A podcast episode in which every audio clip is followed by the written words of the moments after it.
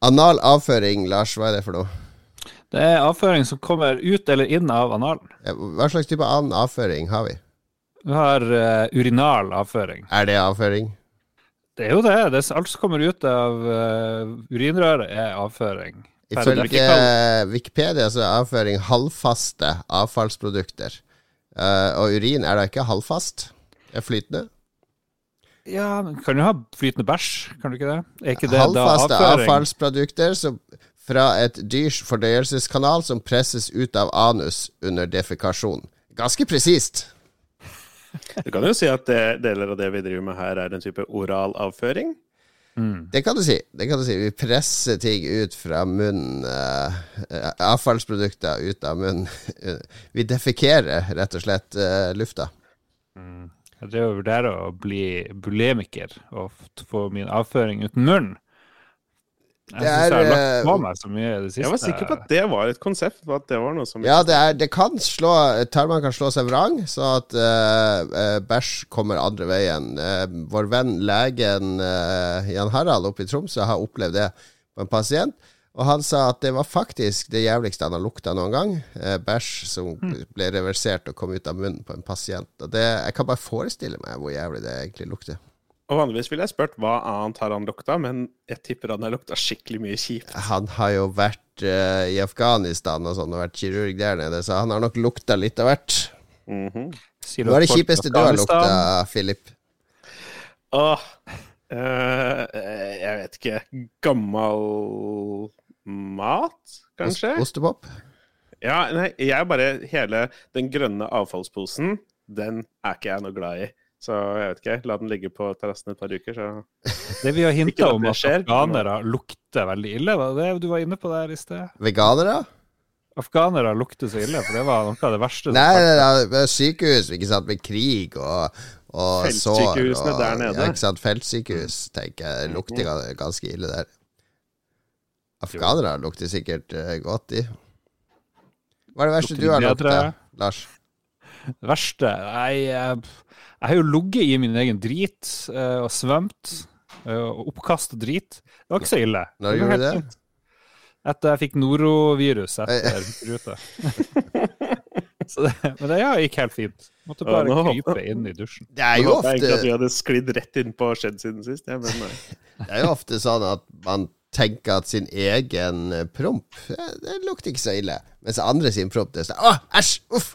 Mens den promper sjøl Man vil jo gjerne eh, lukte litt på den og kjenne, kjenne på resultatet, ikke sant?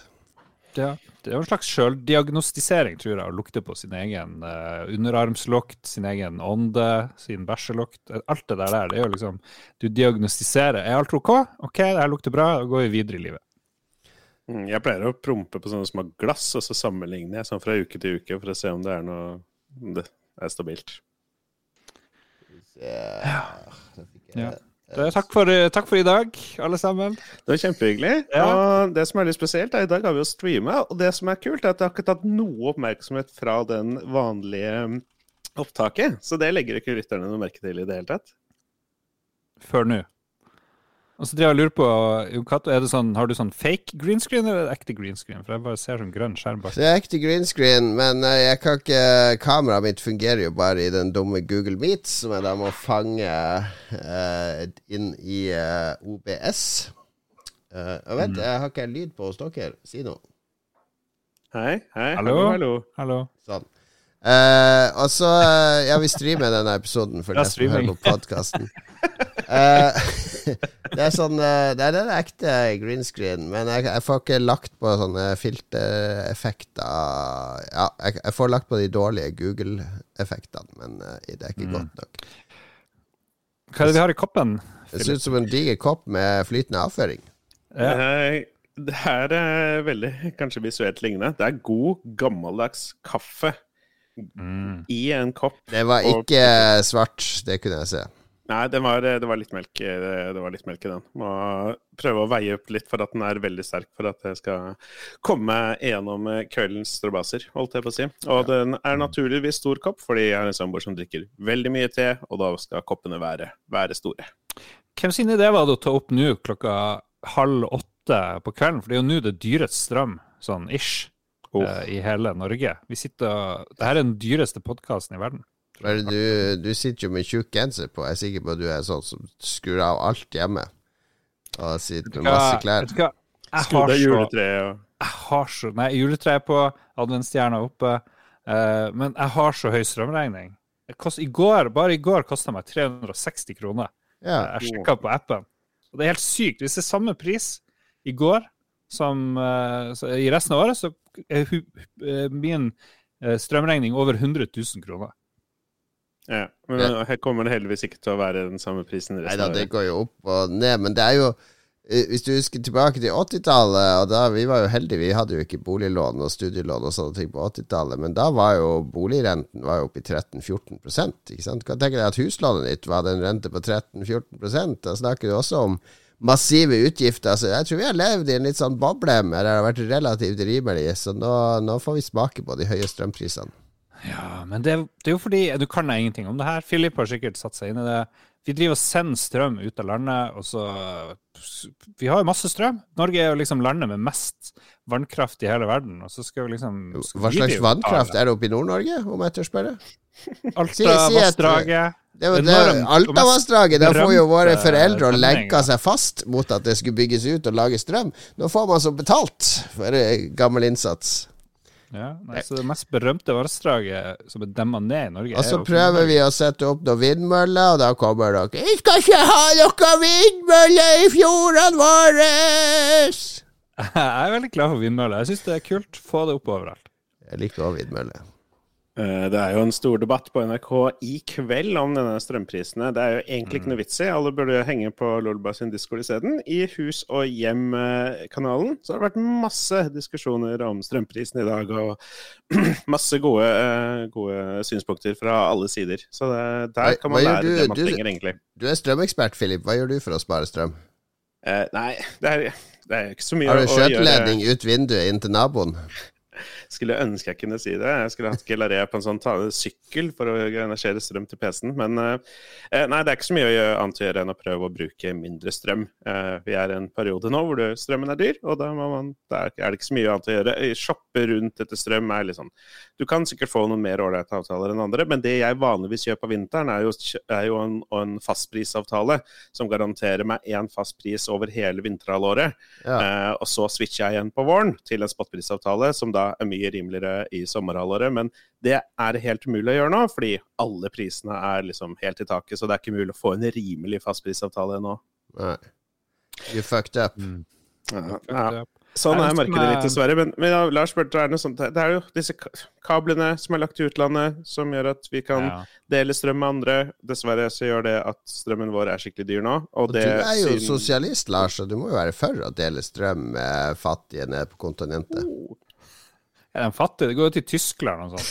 Det er masse det fattige i. Tyskland.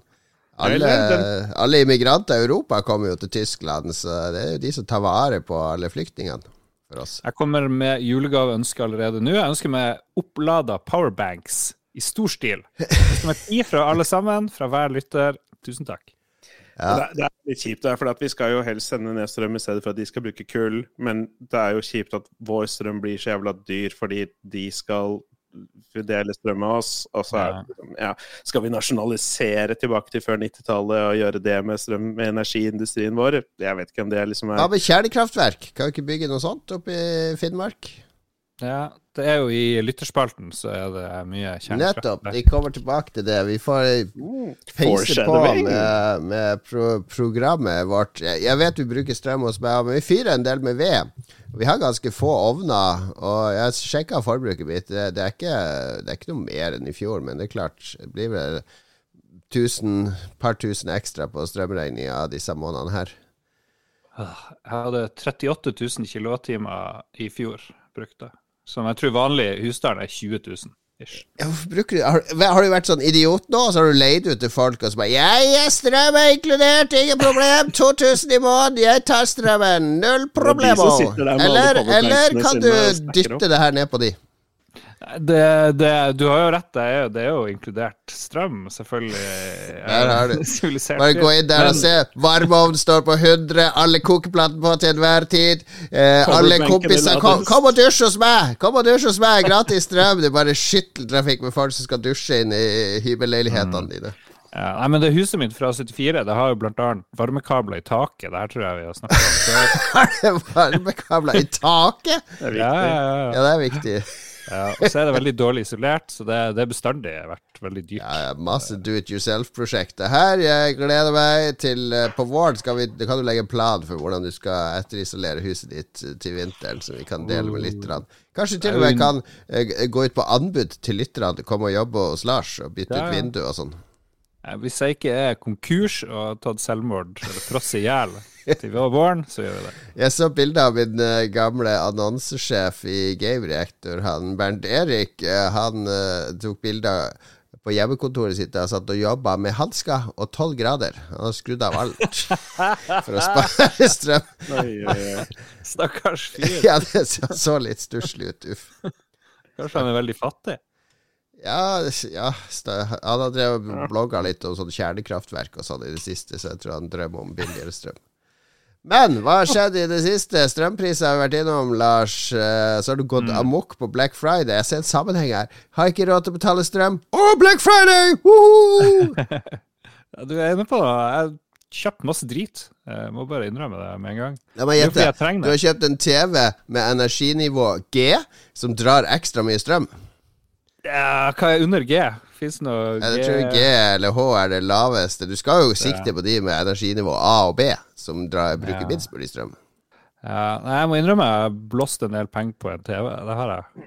Og innebygd, integrert uh, stekeovn. Jeg har kjøpt kjøleskap. Stekeovn. Langtidssteking, 68 timer, så det, kyllingen blir ekstra mør. Ja ja, det koster 200 kroner i strøm, men det er det verdt. Jeg drev og inviterte moderen jeg skulle innvie stekeovn i går. Ja. Uh, lagde en perfekt Grandiosa til Nei. stekeovn. Midt i liksom verste, da det kosta 300-400 øre per kilowattime. Så det var en jævla dyr gratis. skal jeg si. Ja, jeg, jeg syns det er litt, er litt merkelig å henge seg opp i hvor mye strømmen koster hele tiden. Det er liksom Du får jo ikke gjort noe med det. Det er så typisk sånn der uh, folk som teller på kroner og øre, de er veldig opphengt i sånn. Jeg har ikke nevnt det i det hele tatt, Filip. Jeg klager ikke i det hele tatt. Ja, nei, nei, nei, ikke i det hele tatt. Men, men egentlig, Lars er jo egentlig ikke noe TV til 30 000, men strømregning på 4000. What the fuck?! Men Lars, hvordan TV Ja. blei det til slutt? Nei, det ble jo litt mer enn 30 000. Det jo, eh, Ja, fordi det var jo masse snakk om det her tidligere, og jeg tror ikke det var uh, offentliggjort Mm. for eh, lytterne hvilken TV det blei. jeg vet ikke om det er lov å si det, men det ble Det vel si det. godt over 40 000. What the hell? Vi må ha flere patrons. Patrons! Ja, Patreons! Ja. Da blei den fin, da blei den stor nok, håper jeg. 83 tommer. OLED. Ja. OLED LG. Ja da, du. Åh, sexy. Jeg var i samråd med kjæresten din. Hun var helt enig. Vi trenger mye større TV. Nei, jo sånn, kjør på. Men skal du da gjøre sånn som Jon Cato er hjemme, hjemme hos seg, og ha én TV til sjakk og én TV til Fifa? Mhm. Nei, jeg vet ikke. Jeg har jo brukt altfor mye penger, men jeg har jo ikke brukt penger på noe. Jeg skulle brukt penger på å pusse opp, men nå er jo de borte, da. Så det der å isolere hus og sånn, det er Du har er varmekabler i taket, det går fint. Har du en uh, stekeovn, har du en TV, så har du det du trenger for å leve, sang jo Jokke i sin tid. Altså kjøleskap, sa kjøleskap. Men det stemte overens med at han hadde kjøpt stekeovn. Ok. Nei, men det, det er viktig å kjøpe ting på Black Friday. Det er jo en, eh, det er jo en høytid. Det jo, står jo i Tredje Mosebok var da Black Friday. Og sannelig jeg sier eder, når varene er billige, skal pengene fly. Den kommer ikke inn i himmelen, den mann som ikke bruker minst 10 000 på Black Friday, sa Jesus til apostlene. Ja. ja. Nå har jeg lest det. Har dere brukt noe på Black Friday? Eh, jeg kjøpte en sånn Elgato Streamdeck XL fordi den var på halv pris på komplett. Uh, Oh. Kosta 1400. Så Christian som tipsa meg, fordi han også har kjøpt. Så Han har jo fire sånne. Han driver jo Han har alle de her lydene sine. han driver, de driver og lager noen litt morsomme episoder nå, som krever en del eh, lyder spilt inn på forhånd. Så de har jo laga én allerede med meg som eh, gjest, i anførselstegn. Vi skal ikke røpe hva som egentlig skjer, men jeg tror lytterne klarer å skjønne. Skal vi se. Men ja, nei, den, det skulle jeg plukka opp, egentlig. Det var litt dårlig av meg. For jeg har vært nysgjerrig på en sånn en. Jeg har ikke egentlig noe kjempebruk for den, for den måten jeg streamer på. Men til noen ting så kan det være veldig praktisk. Det som er litt kult, er at det kan kobles til Hue-lys og Elgato-lys og lydinnstillinger og eh, du kan, du har, det, det er jo skjerma, ikke sant? Så jeg har en sånn Mm. monitor på den, så da ser jeg CPU-tempo, GPU-tempo, alt det vises live på hver sin lille knapp. Så det er en del sånn productivity-ting. Du kan også eh, det kan automatisk rydde vindu for deg og sånne ting. Du kan legge Mm. inn en del sånt. Så jeg, jeg Ja, ble legge litt imponert. Ja. Mm. Eh, jeg holdt nesten på å gå på en, sånn, på en smell på, også på Black Friday. Da var det en sånn eh, Philips Hue-dings til å koble til TV-en og koble til lys osv. Så videre, sånn at Ja. når noe blir rødt på skjermen, så blir det Åh. rødt i hele rommet osv. Er ikke det kult?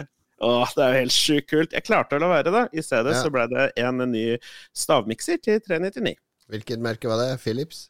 Mm, det burde vært bra. Du burde jo bare ha Philips eh, TV og sånn. Kan du peke Vet du hvem sin TV det er? Philips. Ja. Fra, fra og med når jeg får barn, så får jeg begynne Ja, ja, ja. ja, ja. Det er viktig. Uh, ja, ja, nei, jeg, jeg har shoppa ikke så mye på Black Friday, men kona mi hadde bursdag i går, Synne, så jeg, jeg, i stedet for å shoppe på Black Friday, så shoppa jeg masse på lørdagen etter. Uh, fordi Black Friday var jo i evigheter. Jeg fikk mail fra Elkjøp i går at vi utvider Black Friday med en uke til. Ja, ok. Eh, og det var fortsatt masse tilbud på lørdag uten at jeg gikk og oppsøkte de spesifikt, for jeg kjøpte gaver som hadde sett meg ut på forhånd. Så hun fikk uh, en bunke gaver på senga mandag morgen. Jeg ble kjempefornøyd. Uh, julekalender og treningssko og ja, masse annet. Men da, jeg var litt fornøyd, fordi jeg var barnevakt for tre unger på fredagen. Da var Synne på ute, så jeg hadde basically fem unger og en 20-åring hjemme. Så hele fredag var jo egentlig bare logistikk med å legge unge etter unge og se Lego Masters, og så så vi vel på uh, Vi så den der uh, nye serien på Disney Pluss, måtte jeg se med tiåringen min, Hawkeye. Hawkeye. Ja, ganske kjedelig. Ganske kjedelig. Ja, ja. Jeg har ikke sett Loke eller noen av de andre. Falcon og er Winter. Soldier. Ja, Det, men det Han liker det. Altså De kidsa liker det. Og det, da jeg kjørte de på trening og sånn, de snakker om Marvel, ikke sant? De snakker om hva som skjer og sånn. Så tenker jeg det er jo kjempekult at det er en viktig greie i deres liv. Det er jo åpenbart laga for, for, for dem, ikke sant? Så det er jo kjempefint at de oppfatter det. Det som er så spett, jeg er jo der, jeg òg. Ja. Jeg er jo, det er jo Discord-kanaler hvor jeg diskuterer masse om disse mye Marvel-seriene. Og jeg- jeg har en Jeg prøver å ha en litt mer eh, veslevoksen tilnærming til det. Hvor, eh, sånn som Hawkeye i den nye serien, det er litt for liksom jingle bells og hurra og jeg vet ikke, familieserietype greie. Men noen ganger så ja, noen ganger så syns jeg det er gøy å se hvor de drar det, men det har jo med at jeg har vært fan av tegneseriene veldig lenge, så det er gøy å liksom se hvor uh, MCU tar, uh, Det er ingen tar det er som fan er av utvikling. Hawkeye i utgangspunktet. Han er bullshit. Nei, ikke sant. Han er en ganske er en kjedelig, kjedelig fyr. Har ikke noe powers. Jeg tenker Alle superheltserier kan ikke være som The Boys. Ikke sant? The Boys er gøy laga for uh, oss voksne. Har snert og humor og satire og greier. Jeg lager for voksne, og så eh, må det være greit at ting er laga for de barn og de yngre òg. Mm. Ja, og eh, jeg prøver å lansere det ut ved at jeg orker ikke se det hver uke. Jeg bare Nei. venter til alt er ute, og så bare svelger jeg det alltid i ett, fordi det er veldig lille lett spiselig. Jeg skal ikke liksom Altså, for er det sånn at de her Marvel-filmene, dem liker jeg jo mange av de. Spesielt de her Avengers-greiene og sånn, men når de her TV-seriene kommer, bare Jeg syns det er totalt gørrkjedelig. Det må jo være noe Det er noe De er litt sånn dårlige, syns jeg. At de ikke klarer å ha et litt høyere nivå. Veldig laga mot målgruppe, tror jeg. Eh, Jeg Det har, det har variert litt på de også. Eh, Noen, et par av de er relativt gode, et par av de er litt mindre gode. Men alt skal jo bare vannes ut. Det er det Ja. som er problemet. De har en ålreit suppe. De har ikke noe å liksom- fortelle lenger. De har ikke Nei. noen eh, s- s- gripe det gode historier og mennesker. Ja. Det er bare overfladisk eh, fjolleri. Eh, og det er helt greit. Men poenget mitt var uansett ikke Hawkeye. Det var at eh, jeg gikk og la meg ganske tidlig på fredag med haug med unger i senga og i ulike soverom. Opp er det? kvart på seks har du ereksjonssvikt. Jeg ser uh, Ja. mik mikrofonen til Lars dale sakte, men sikkert ned. Må er stramme, liksom viktig for oss hele episoden gjennom. må stramme et eller annet. Jeg stramma tre-fire ganger. Ja, du ha en ny mikrofonarm. Uh, Synd at Black Friday er over, og at strøm er så dyr. Kanskje du har råd til våren en gang. Uh, vi- men jeg sto opp kjempetidlig på søndag. Kjørte de tre ungene hjem halv ni på morgenen. Og det hadde jeg avtalt med mine to barn. Nå skal vi ut og kjøpe eh, litt julegaver og gaver til mamma og sånt. Og da endte jeg opp med å dra rett på senteret. Åpna klokka ni. Fikk gjort unna alt sammen på én time før noen kom på senteret. For det, var ikke så mange som visste at det åpna ni. Og Det var så effektiv juleshopping. Fylte opp bilen, kjøpte en sånn snømann som skal stå ute og lyse. Sånn julepynt-snømann, diger en. Alt sammen bare Det var så effektiv shopping. Bare dro kredittkortet. Jeg for første gang nå går det kortet varmt. Alt fant jeg på første forsøk. Og dro hjem med bilen full av gaver. Og ja, jeg var så fornøyd. Jeg var ferdig med alt. Dro ut med ungene, spiste på Mækkern, kjøpte et par ekstra gaver. Var hjemme igjen til sjakken begynte. Jeg trodde jeg skulle klare det samme på lørdag, for da skulle jeg øh, Eller hvordan faen dag det var? Søndag? Skulle Satt med laptopen, skulle handle alt, hadde lagd liste. Hvem er det jeg må kjøpe ting til? Skulle jeg gå på litt sånn forskjellige nettsider og se om jeg fant noe kult. Fant ingenting kult å kjøpe til noen. Kjøpte eh, et Jane Austen-puslespill og en Jane Austen-bok i gave til noen. Så hører de på nå. det er det jeg tenkte Er det meg? Jeg tror ikke det. Ja. Og så det var that's it. Det var det jeg fant. Uh, Syns det var bare drit på de her nettbutikkene. Det er mye drit. Man må vite hva man skal kjøpe, ikke bare drive og browse for å finne noe. Det syns jeg er vanskelig. Men eh, bortsett fra det, så er jeg også Jeg var på teater i går. På Nationaltheatret i hovedsalen. eh, Selve eh, Oslos eh, storstue for alle teaterinteresserte. Og hva så er der? Klassiske Hamlet. Oi, oi, oi. Så Wow. sofistikert, jeg. Ja, ja, da ble det hele monologen med å være eller ikke være. Var det bursdagsgave til dama di, eller? Nei, det var hun som hadde kjøpt til oss for lenge siden. Så har Ja. vært utsatt tre ganger pga. korona, så da fikk vi endelig sett det. Og det var, eh, det var jo sånn gammel, eh, gammelspråklig, så det er litt sånn der slitsomt å henge med. Det var sånn bare lyst til å rope 'shut the fuck up'! Men det var veldig sånn minimalistisk scene, og så stor sånn vegg av papir bak, som sto og blafra, og så kom nærmere og nærmere. Så det var ei som spilte trommesett på scenen, så det var hele tida sånn ekkotromme. Litt som i Dune. Minner om Dune-soundtracket, rett og slett. De der trommene. Så det var veldig dramatisk. Veldig dramatisk og flott. Men det er én ting jeg blir så flau av i teater. Og det er når det er over, så skal de stå og bukke på scenen, alle skal klappe, og så skal de, skal de alltid snu seg sånn til høyre, og så skal de sånn lett jogge ut på en sånn rekke, og så går det noen sekunder, og så bare kommer de joggende inn igjen, og så snur seg mot publikum og bukker, og det bare. Og så det, står de sånn og bukker, og så tar de den den der vendinga og den derre lette jogginga den der, der teaterjogginga. Og det er, jeg syns, det er et eller annet Jeg syns det er så flaut. Synes, de kan godt bare 'Nå er det ferdig. Tusen takk. Bukke, bukke.' Og så bare gå. Ikke sant?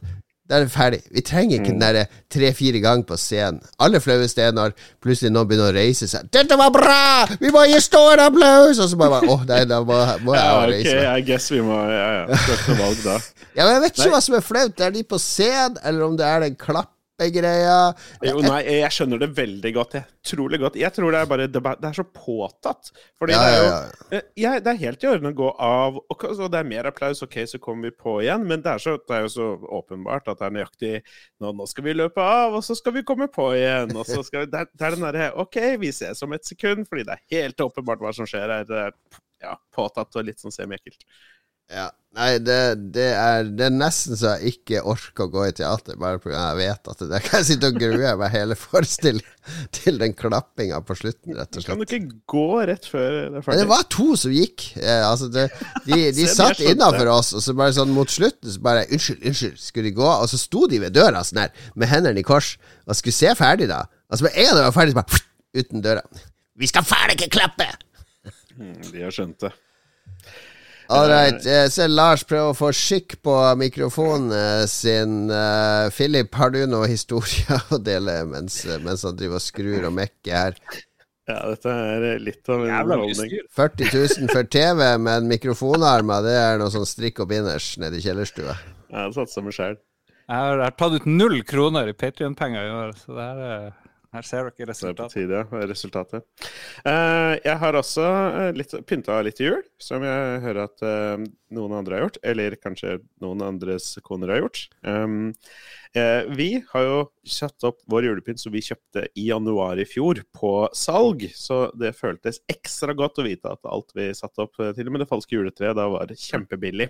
Ja. men husker dere for sånn dette er ganske lenge siden, når korona drev og holdt på, og så var det folk som drev og dro til Syden, og så lo vi av de og sa de var teite, og det var skikkelig dumt å gjøre. Når uh, skal du til Syden? 11. til 18. desember så stikker jeg og Gullaret til Tenerife. Det skjer jo ikke, hallo.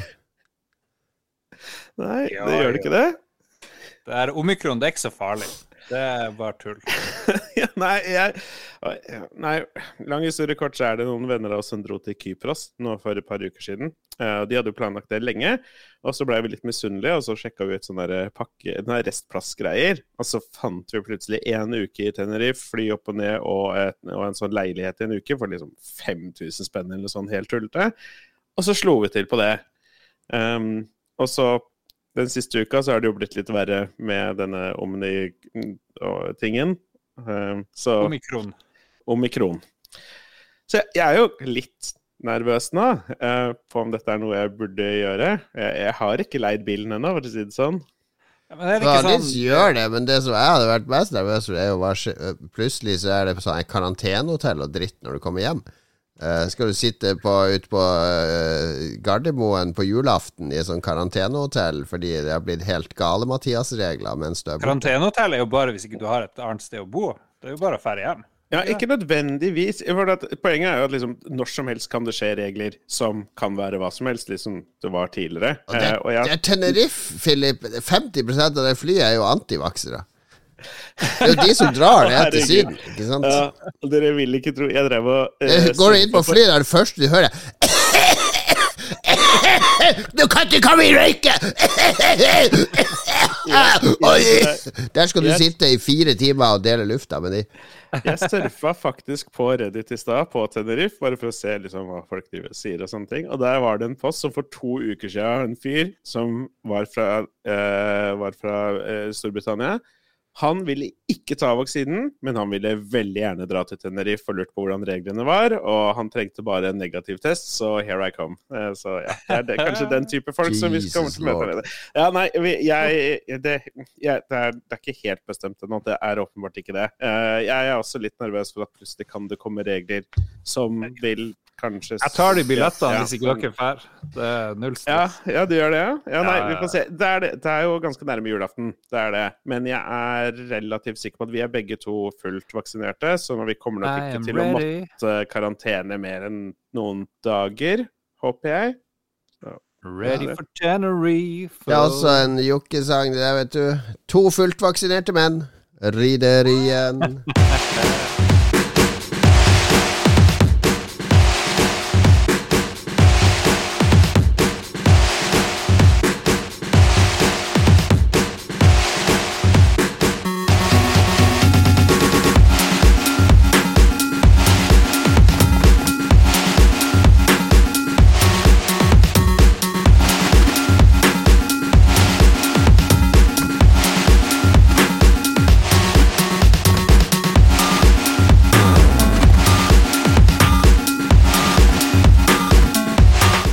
eh, aggressiv remix der av Are Kung Fu fra den uh, for meg ukjente plata Konami Addiction for Electro Lovers, gitt ut av Konami med offisielle Konami-remikser.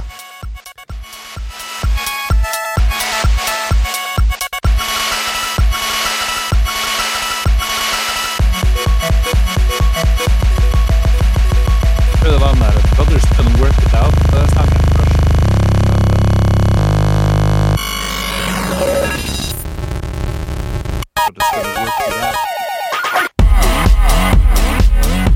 Sånn er det på dansegulvet på Konami sitt julebord. Tror du det er gøy på Konami sitt julebord? Ja, sikkert mye heroin. Hvis vi får en invitasjon, så blir jeg med.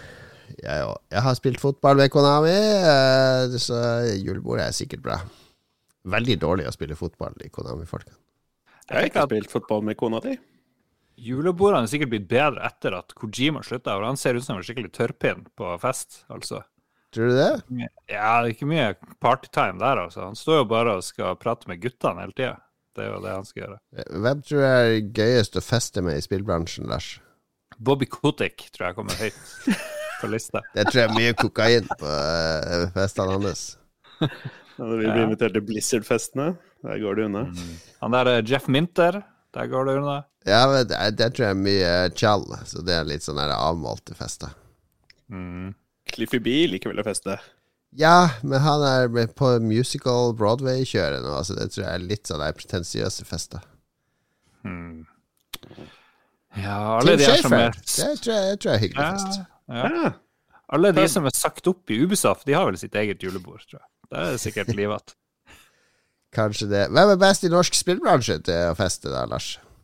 Osan, eh, han tror jeg Osan er bra på fest. Han kuppa hele bursdagen min han kom. Eh, Han dro fra bryllup til 45-årsdagen min i taxi. Og krasja inn klokka ett. Da tok han over hele festen. Men bra. eh, Det skal handle om hva vi har spilt siden sist, ikke hva vi har festa siden sist. Ja. Nå er det mye Ja. drit. Denne spalten er ganske Ja, dårlig fordi i dag, altså. dette er jo Jeg går jo inn i denne spalten og tenker at jeg har dårlig samvittighet hvis jeg ikke har spilt noe nytt og fresh som har kommet ut i det siste. Mm. Uh, heldigvis så kan jeg stole på dere til å gjøre det, tenker jeg. Ja. Nei. Ja, jeg har jo spilt noe nytt. Det har jo kommet ut nylig. Ja, ok, ja. Det er greit. Du skal forbi den, Lars. Du har faktisk det nye Ja, ja, det er like nytt som Halo Infinite som jeg har spilt. Men du har spilt eh, Skyrim Anniversary Edition. Now includes fishing. Now includes fishing og masse sånn fan-made shit. Det er jo hva har du spilt det på? PlayStation 5. Ja. Smooth as a baby's bottom. Ja. Så nå kan du se den janky animations i enorm oppløsning og frames og alt mulig. Jeg ser det ti år gammelt ut. Ja, ja da. Det gjør det. Det gjør det. Det ble Jeg tror det er tredje gang jeg har begynt på en Skyrim i år, alene. Det må jo være det spillet jeg har begynt på mest. Så ja. Jeg realiserte nettopp at dette er jo ikke noe remaster eller noe sånt, som betyr jo om noen år så får vi en ny bølge med Skyrim-titler i HD pluss-versjon, eller hva nå heter da. Ja, det er jo, det er jo oppfriska. I hvert fall, de har liksom integrert masse fan-made shit. De har tatt liksom nye adventures, nye våpen Du får mye sterkere våpen. de har ikke tatt også, noe det er, det, På PC er det jo ganske mye sånn grafikkmods og sånn som gjør at spillet ser relativt fresh ut. Det tror jeg de ikke har tatt med. Nei, ja, ja, det er nå Jeg har nå spilt det her på PlayStation 4, PlayStation 5 før den nye versjonen, og det, det ser mye bedre. Har du ikke spilt det på altså. Switch òg? Nja, ja, kanskje sikkert. Jeg tror jeg har det på Switch. yes. Ja, men det er jo ikke så mye å si, men, men det, det Jeg begynt. Jeg begynt på nytt. Uh, blitt en dark elf. Tenkte det skulle være en skikkelig sånn um, suspekt. Suspekt karakter. Lever du deg inn i karakterene når du spiller? Ja, ja, ja, ja da. Jeg har jo spilt sånn her aids-run, hvor jeg får de her blodsykdommene. Springer rundt og Ja. tigger, henger rundt på, på sånne her barer for uh, folk med aids og sånt. Det er artig. Er det Skyrim du snakker om fortsatt, eller er det blander du hva skjedde i det siste? hva skjedde det- siden Hva sist, skjedde siden sist, eller er det Skyrim? Nei, det er ikke Skyrim. Du fikk jo kjønnssykdom sist. Så om du hadde drevet hengt på aids-bar, så hadde det vel vært en naturlig fortsettelse. Okay. Fins det aids-barer ennå? Jeg er sikker på at det fantes før. liksom. Men det er nå i Skyrim. Dem har jeg funnet. Driver og bruker skoma.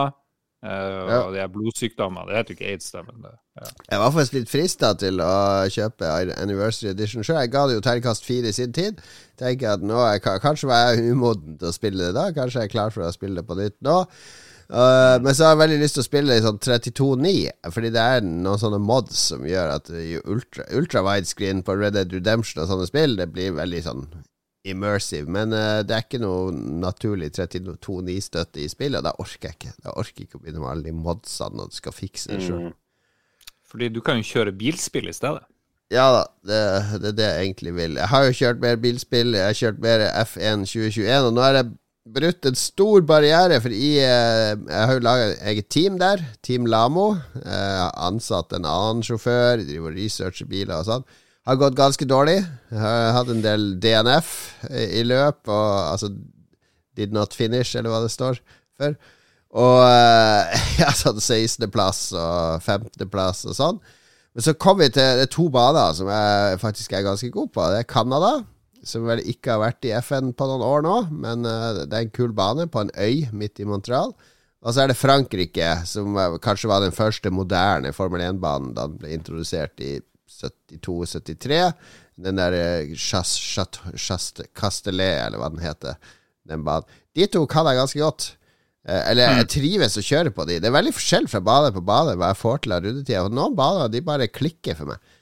Jeg har vært på, jeg har vært på løp på den banen i Montreal i Canada. Den har vært der i mange år, fast. Ja, men de har ikke kjørt den i år eller i fjor, tror jeg. Det er et par år siden den var med i Formel 1-sirkuset.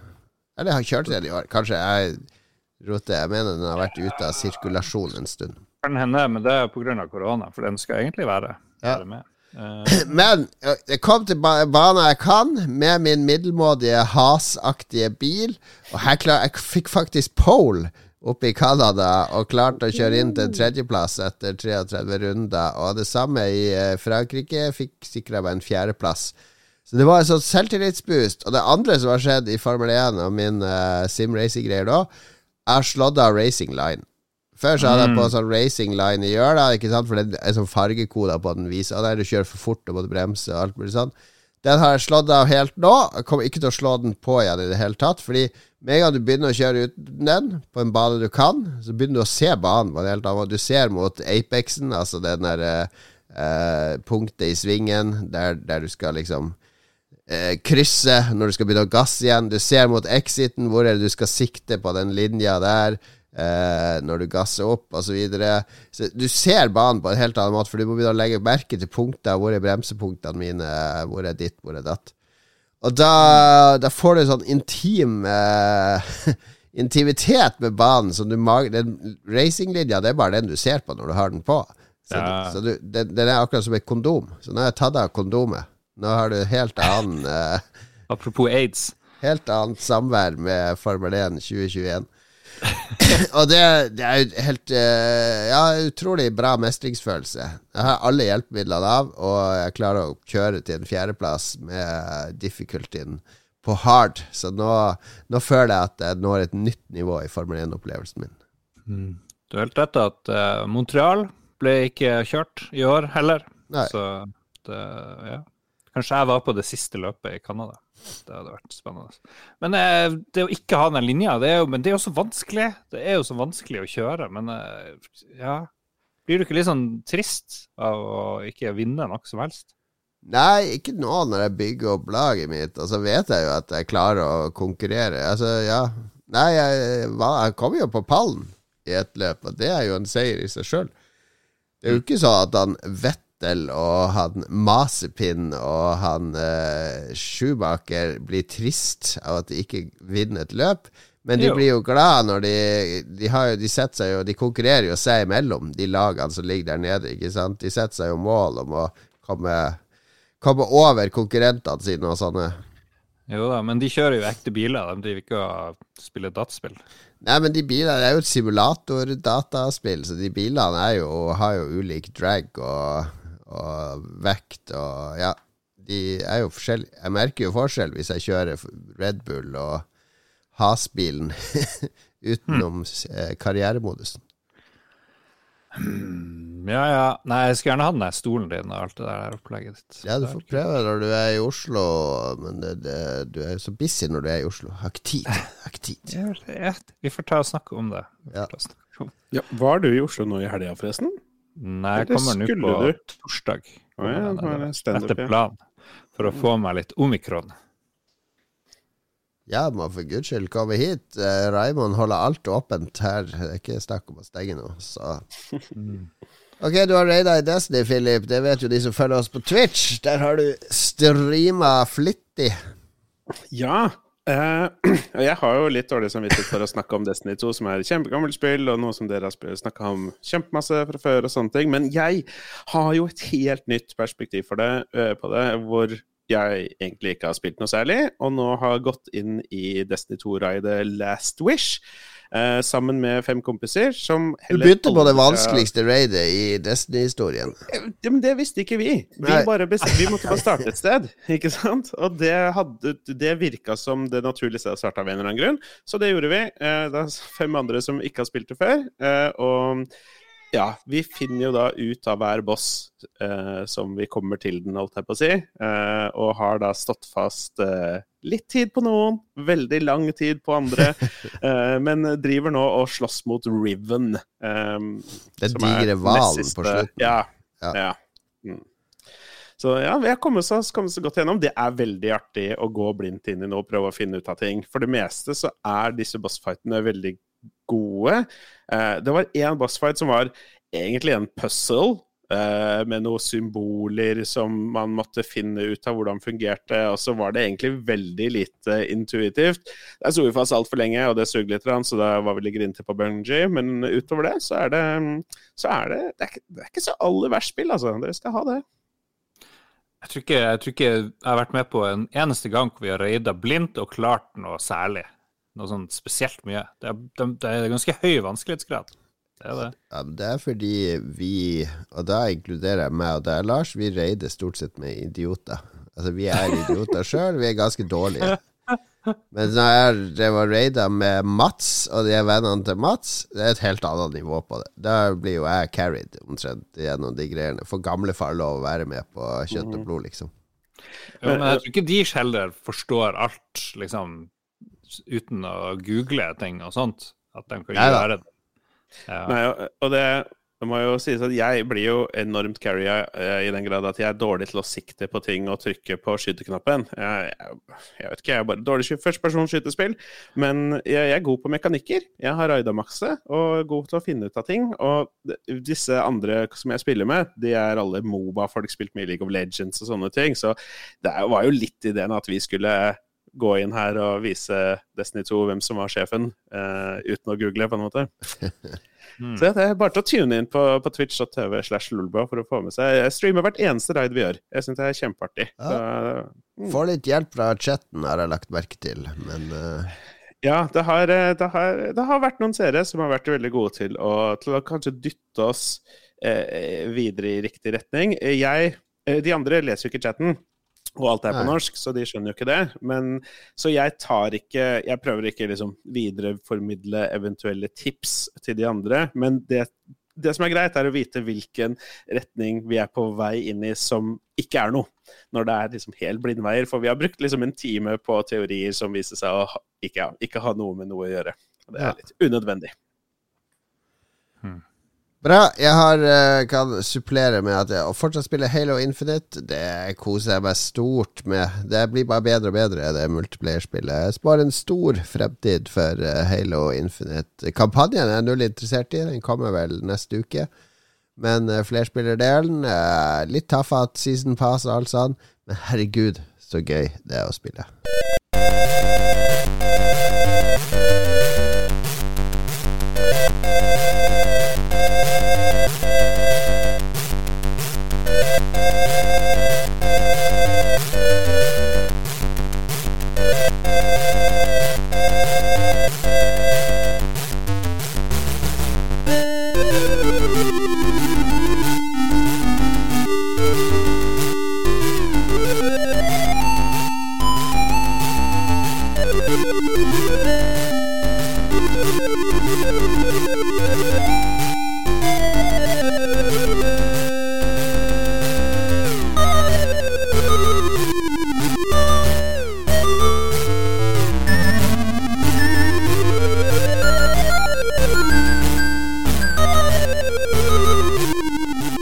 Dette var det jo så sjelden som musikk fra Spektrum 128. Det tror jeg er første gang vi har spilt uh, både i Lolbua og Sidbua. Det var på tide. På høy tid. På høy tid. Det var, det var vel ikke en Sid-chip, men eh, jeg tror det var helt dugende musikk der òg. Mm. Det vil jeg si. Morsomt. Vi glemte da vi snakka om Formel 1, han eh, Frank, Sir Frank Williams er jo død. Han var jo en sånn legende i Formel 1. Hvem var det? Hvem var det? Hmm. Hvem, hvem var det? Ja, eh, Sir Frank Williams. Han bytte som en fører, og så knakk han ryggen eh, på et eller annet tidspunkt. Så han drev, var jo kjent for å sitte i rullestol og ga liksom aldri opp. For og var med på alle løpene likevel. Men han drev nå og brukte familieformuen. Han var sikkert en sånn rik slabbedask som bare fant ut at nå skal vi, skal vi kalle opp et lag etter meg sjøl og drive og kjøre og styre. Da har du holdt på lenge, så har det gått dårligere og dårligere med laget, og så tok dattera over, fordi sønnen var visstnok en idiot. Og så gikk ikke det så bra med dattera heller, og så måtte de selge laget til slutt. Og nå er faren død, og det er bare krise. Føler hele, hele historien der var litt fritt. ja. Men det, de ble verdensmestere i masse år. De liksom kjempa mot, mot sånn kjemperike lag eh, og klarte seg bra. Og det er jo veldig kult. Et sånn privatlag uten Ferrari-penger eller Mercedes-penger og sånt. Så det er jo inspirerende. Ja. Nei, men uh, da lærte vi litt om Formel 1 i dag òg, folkens. Det er litt mye Formel 1 i Lolbua nå. Vi har ikke fått noen klager på at vi snakker for mye Formel 1, har vi det? Jo, fra meg. Kjempekjedelig. Nei da. Koser deg med det. Å, nå- hva vi skal gjøre nå, folkens? Nå er det spillklubben. Og hva er det vi har spilt i spillklubben denne uka? Det er du som leder spillklubben, er det ikke det, Lars? Eh, det du har spilt jo- spillet denne gangen. Ja, Jeg har spilt spillet, men det var jo Philip som requesta det. ja det kan det, Philip, du er programleder. Vær så god, spillklubben. Kjære lyttere av velkommen til denne månedens eh, slash andre hver ukes eh, utgave av Spillklubben. Denne perioden så har vi spilt spillet Doki Doki Literature Club. eh, Og Lars har spilt det for lenge siden. Jon. Cato, så vidt jeg har skjønt, har aldri spilt det før, før nå. Nani? Og jeg har sett Doki Doki Literature Club veldig høyt i min egen bok. Jeg er veldig spent på hva de andre synes, og om vi har eventuelt har fått noe, noe lyttebidrag. Ja, for du Eh, skriver bok. i, I spillet? Spillbok. Spillboka. det, du sier at du setter spillet høyt i din bok. Så jeg bare Det er et uttrykk. Lars. Herregud, Ja, ja, ja. ikke gjør deg dum. Du, du er jo journalist, du vet at det Oh my er god. Er det dagbok? Det maker ikke sens. Nei, men eh, ja. Jeg tror ikke meningen å ødelegge stemninga. Det er den seriøse spalten vår her. Ja, det stemmer det. Og jeg hadde egentlig tenkt å google masse sånne sofistikerte ord som jeg kunne bruke, men det glemte jeg. Uh, dette Doki Doki Literature Club uh, det er jo et spill som fremstår som en t- dating-sim, eller en visuell novelle. Uh, som er en type sjanger som eksisterer for de spesielt interesserte. Ja, Det er det. De er spesielt interessert. Jeg tenker at Phoenix Wright er jo kanskje ikke så langt unna heller, og det er jo kjempebra. Det er En type visuell novelle, ish, er det ikke? Ja. Men ja. Dette er kanskje uansett litt nærmere den type dating-simmer hvor man eh, er en fyr, man starter man, Eller man er et sted, i dette tilfellet på en skole, man skal bli med i en ny klubb. Man blir med i litteraturklubben, hvor det er fire jenter som spillet fremstiller som eh, veldig attraktive. Eh, jeg velger å fremstille det sånn, fordi det er en av de som ser ut som hun er tolv år, og jeg orker ikke på en måte å ta med hun i Det står i starten at alle er 18. Ja, det bare ser ikke sånn ut, og det er litt ekkelt. Eh, men det som også står i starten Vet du Er- det hvis du lager pedofil tegneserie eller sånn. Bare skriv i starten at alle er 18. Hmm. Alle 18 går på barneskolen. og senvokste.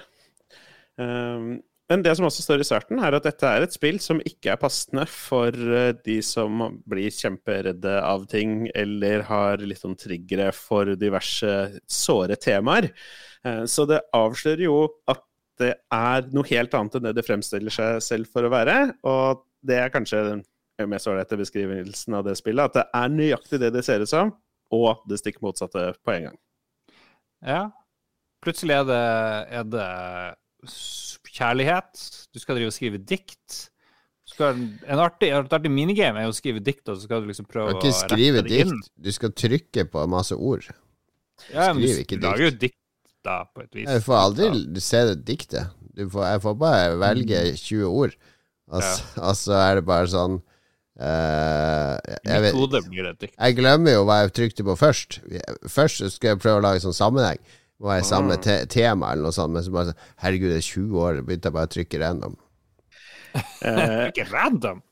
Ja, Ja, ja. fordi det som Når jeg spilte dette spillet første gang, så satt jeg med følelsen at den første halvdelen av spillet er kjempekjedelig. Og det Det er det, er grusomt. Det er helt feil. ja, det, er det vi går gjennom nå. Det er noe av det er verste jeg har spilt i mitt liv. Det er helt forferdelig. Og det, og det er sånn, hver eneste person jeg får snakke om dette spillet helt bare, bare kom deg gjennom Nei, Jeg syns det er kjempekjedelig. Det er bare- så mye dialog om Ja. muffins og drit og faen hans oldemor. Det er inter- Du jo skal liksom bli venn med de her damene, og kanskje du tenker hm, kanskje jeg jeg tror ikke på noe av det som blir presentert, så det, det biter ikke på det. Det som må sies at det er en del artig foreshadowing i mye av denne dialogen, men jeg eh, Vi ønsker egentlig ikke at noen skal ta seg tid til å lese alt, men det er en del artig foreshadowing der, i tillegg til eh, at spillet selv i en samtale relativt tidlig i spillet, hvor du begynner å tenke at dette er litt kjedelig, skal det skje noe snart, så snakker de om favoritttegneserien til den ene figuren, som hvor hele poenget er at du må liksom være med på masse karakterbygging før det gøye kan ordentlig begynne å skje, og da er payoffen bedre. fordi det er jo akkurat det spillet gjør. Du blir kjent med jentene, du lærer hva de forskjellige liker, og hva de gjør, så videre og. Og disse diktene man skriver, det er da bare å velge masse ord som blir til et dikt man aldri får se, men hele den mekanikken er, eh, handler bare om å tilpasse dikt til den jenta man liker best. Eh, Den ene er litt mørkere og liker suicide og sadness, og så er det en som bare er cute og popsy, så videre. Mm. Så ja, jeg vet ikke om Ja. ja. Det skjønte jeg òg, fordi du får reward med en eller annen sånn der klein scene mellom de to. Ja, det er jo, men det er jo hele tida litt sånn, som du sier, foreshadowing. Det er jo sånn, det er kanskje litt tregt i starten, jeg med- enig der, men så kommer det sånne hint om at ok, her er det noe fucked up. Det er noe fucked up shit på gang. Ja, eh, for det begynner Det skjer jo sakte, men sikkert at, at, at at liksom det er hint om at noe, noe rart kommer til å skje, men samtidig så går det relativt greit fremover fram til denne ene av disse fire jentene, som er nabojenta di, og du har kjent henne hele livet, og dere er kjempegode venner, har gått i skolen sammen hver dag. Eh, hun avslører at hun er kjempeforelska i deg, og, hun, og hun sliter del Hun sliter med en del ting, men hun klarer endelig å avsløre dette da, og få dette, eh, få dette ut. Og du kan velge å si 'jeg vil være vennen din for alltid', eller at du elsker henne tilbake. Eh, det var eh, noen i chatten vår som valgte, når vi spilte gjennom nå, vi streama det selvfølgelig, at eh, vi skulle være venner for alltid. Og det førte til at hun tok eh, selvmord. Eh, du finner henne da at hun har hengt seg selv på rommet sitt dagen etter. Oh Eh, no. det er veldig trist, selvfølgelig. Eh, Men der tar jo spillet en ganske brå vri fra en veldig sånn søt dating-sim-aktig spill eh, til at en av figurene plutselig har hengt seg selv. Jeg vet ikke om du så den komme, Jon Cato? Ja, det var deilig. Jeg tenkte jeg bare tre igjen, så er jeg ferdig. Jeg svarte akkurat det samme, hun hengte seg hos meg òg, og så kommer det masse sånn bugs og glitcher i spillet, så skal du ut i det fiktive operativsystemet og bla i noen foldere. Du er Og, veldig fort frem i Eller hvis det, jeg kvitta jo spillet etter en halv time, og da kommer du jo ut i det operativsystemet. Så du, hvis du saver og kvitter tidlig, så er du jo ute i det operativsystemet ganske tidlig. Og der kan du drive og klikke på filer og tekstfiler, og der ligger karakterene og alt sånn. Så ja, det er jo et veldig selvbevisst spill. Det er jo et sånn metaspill, ikke sant. Og det ser du av og til i dialogen. Ja, this will be hard to translate. Ho, ho, ho. Men det er uh, jeg, Mitt problem er jo at jeg tror jo ikke på noen karakterer i spill. Jeg tror ikke på Tifa eller Erit eller hvem faen det er. Det er bare spillfigurer for meg. Så jeg, jeg har ingen connection med noe spill. Jeg kan connecte med karakteren min i Destiny eller Master Chief. Jeg tror på Louis Hamilton når jeg kjører Formel 1 og duellerer med Louis Hamilton. Jeg tror ikke det er Louis Hamilton. Jeg tror ikke det er et ekte menneske. Men jeg tror det er en bil som representerer en motstander som jeg skal overvinne. Det er det jeg tror på. Men jeg tror ikke på disse jentene Uh, og dette opplegget Altså, det, det, det, var bare for meg å sitte og trykke så fort jeg kan på space i to timer for å få en payoff med en dame som hang seg, og så, nå skal jeg drive og fikle i et operativsystem. Det ga meg ingenting. Men jeg, jeg, skal innrømme at jeg vet ikke hva som For dette spillet kan ende på en helt forskjellige måter. Og det er mulig å avslutte spillet veldig tidlig. Eh, hva skjedde når du ble kasta ut i dette operativsystemet? holdt jeg på å si? Hvordan, hva skjedde for deg? Ja, der kan du starte på nytt, og så er det masse sånn glitcher på karakterene. Og så hun ene tar på en måte Historien starter på en måte på nytt, men hun som døde, mangler, virker det som. Er noen korrupte filer Så jeg er helt sikkert noe jeg kan drive og hacke uti der og tilpasse og få inn navn på folk jeg kjenner eller et eller annet. Men det, jeg hadde ingen motivasjon til å fortsette, for det, det er ikke noe mysterium her som har engasjert meg i det hele tatt. Det er ikke som Inscription eller andre spill der jeg føler meg som en del av et mysterium som jeg har det, var, det er ingen motivasjon her i å se disse søte mangategningene. Jeg skjønner. Eh, fordi det er bare halvparten av spillet. Eh, det er nå Du har bare spilt den kjedelige delen. Ja, ja. Eh, den, den, som er kjip. Ja, men det, den kjedelige delen har ikke lagt opp til at neste del skal være morsom. Nei. Jeg har ikke solgt meg mm. på at nå, eh, nå skal du faktisk ha det gøy. Det... Enorm svakhet uh, spillet har. Jeg er helt enig. Det er ingenting som tilsier Jeg også syns datingsim hele greiene kjempekjedelig. Uh, selv om jeg ikke i det hele tatt. Uh, men når ting først begynte å skje, så var jeg på en måte nysgjerrig nok til å Ja, og Det kan jeg skjønne hvis jeg hadde oppdaga det da det kom, og jeg hadde spilt masse sånne spill før, og det her var mind-blowing, eh, eh, snu opp ned på en hel sjanger og bare fucke vilt med det, det kan jeg skjønne, men det, det er ikke noe sånn det er som å, gå og se uh, Sixth Sense og vite på forhånd at Bruce Willis er et spøkelse. Det er ikke den samme payoffen, da. For meg så visste jeg ikke Jeg, tenker, jeg syns det var en god sammenligning med Six Sense. Fordi for meg ble det sånn Oi, shit, nå skjer det masse greier. Jeg visste at det kom til å skje noe, men ikke helt hvordan det skulle være. Jeg visste ikke at jeg kunne gå ut i operativsystemet på et vis. Jeg spilte det på Mac-en min og lasta ned. For du kan, Jeg fant det som gratisversjon. Det var, mm. Du må liksom ikke betale for det spillet. Og da var det plutselig fuck, nå må jeg inn i menysystemet og drive og kuke med det spillet for å liksom få påvirke det på morsomme måter. Jeg, jeg tolererte fint det der. Eh, litt, litt småkjedelig og irriterende kanskje for mange, men for meg var det greit. Jeg har aldri spilt sånn her datingsim uh, før. Jeg var bare ja, jeg har lyst til å bli kjæreste med de folka. Nå skjønner jo at det, er, det ligger noe bak og sånn, men så blir det bare mer og mer fucked up. Det blir mer og mer mørkt. og, og ja. Nei, det syns jeg var veldig kult. Uh, det, det, ga meg sånn, det ga meg den Six Sense-greia. bare, Oi, det her så jeg ikke komme. Jeg ante ikke at du måtte liksom Eh, begynne å hacke din egen maskin. Nei, fordi eh, det som, Den vanlige endingen, altså liksom vanlig gjennomspilling, består i at etter at denne jenta dreper seg, så starter spillet på nytt igjen, og bare uten denne figuren igjen. Eh, og masse glitcher. Og det som skjer, er at du liker en av de andre figurene, og hun blir mørkere og mørkere, og hun ender opp med å ta sitt eget liv, hun også. Og så glitcher spillet ut helt, Plutselig så er du i et rom alene med den ene figuren, Monica, som da viser seg at det er hun som har Hun vil at du og henne skal være sammen for alltid. Og hun er selvbevisst på at hun er spill, en spillfigur, og hun har, prøv, hun har, gått inn i de andre figurenes eh, liksom stats for å gjøre de mer deprimerte, for å få de til å ta sitt eget liv. For hun, hun, vil at ja, bare du og henne skal være sammen for alltid. Eh, og da er du fanga i, i, den scenen. Du kan ikke save, du kan ikke gjøre egentlig noe som helst. Det eneste du da kan gjøre, er å gå inn i, i utforsker, finne fila som er karakteren hennes, og slette den fila. Eh, når det skjer, så reagerer hun på skjermen med 'Hei, vent, hva har du gjort med meg? Hva er det som skjer?' Bla, bla, bla. bla, bla.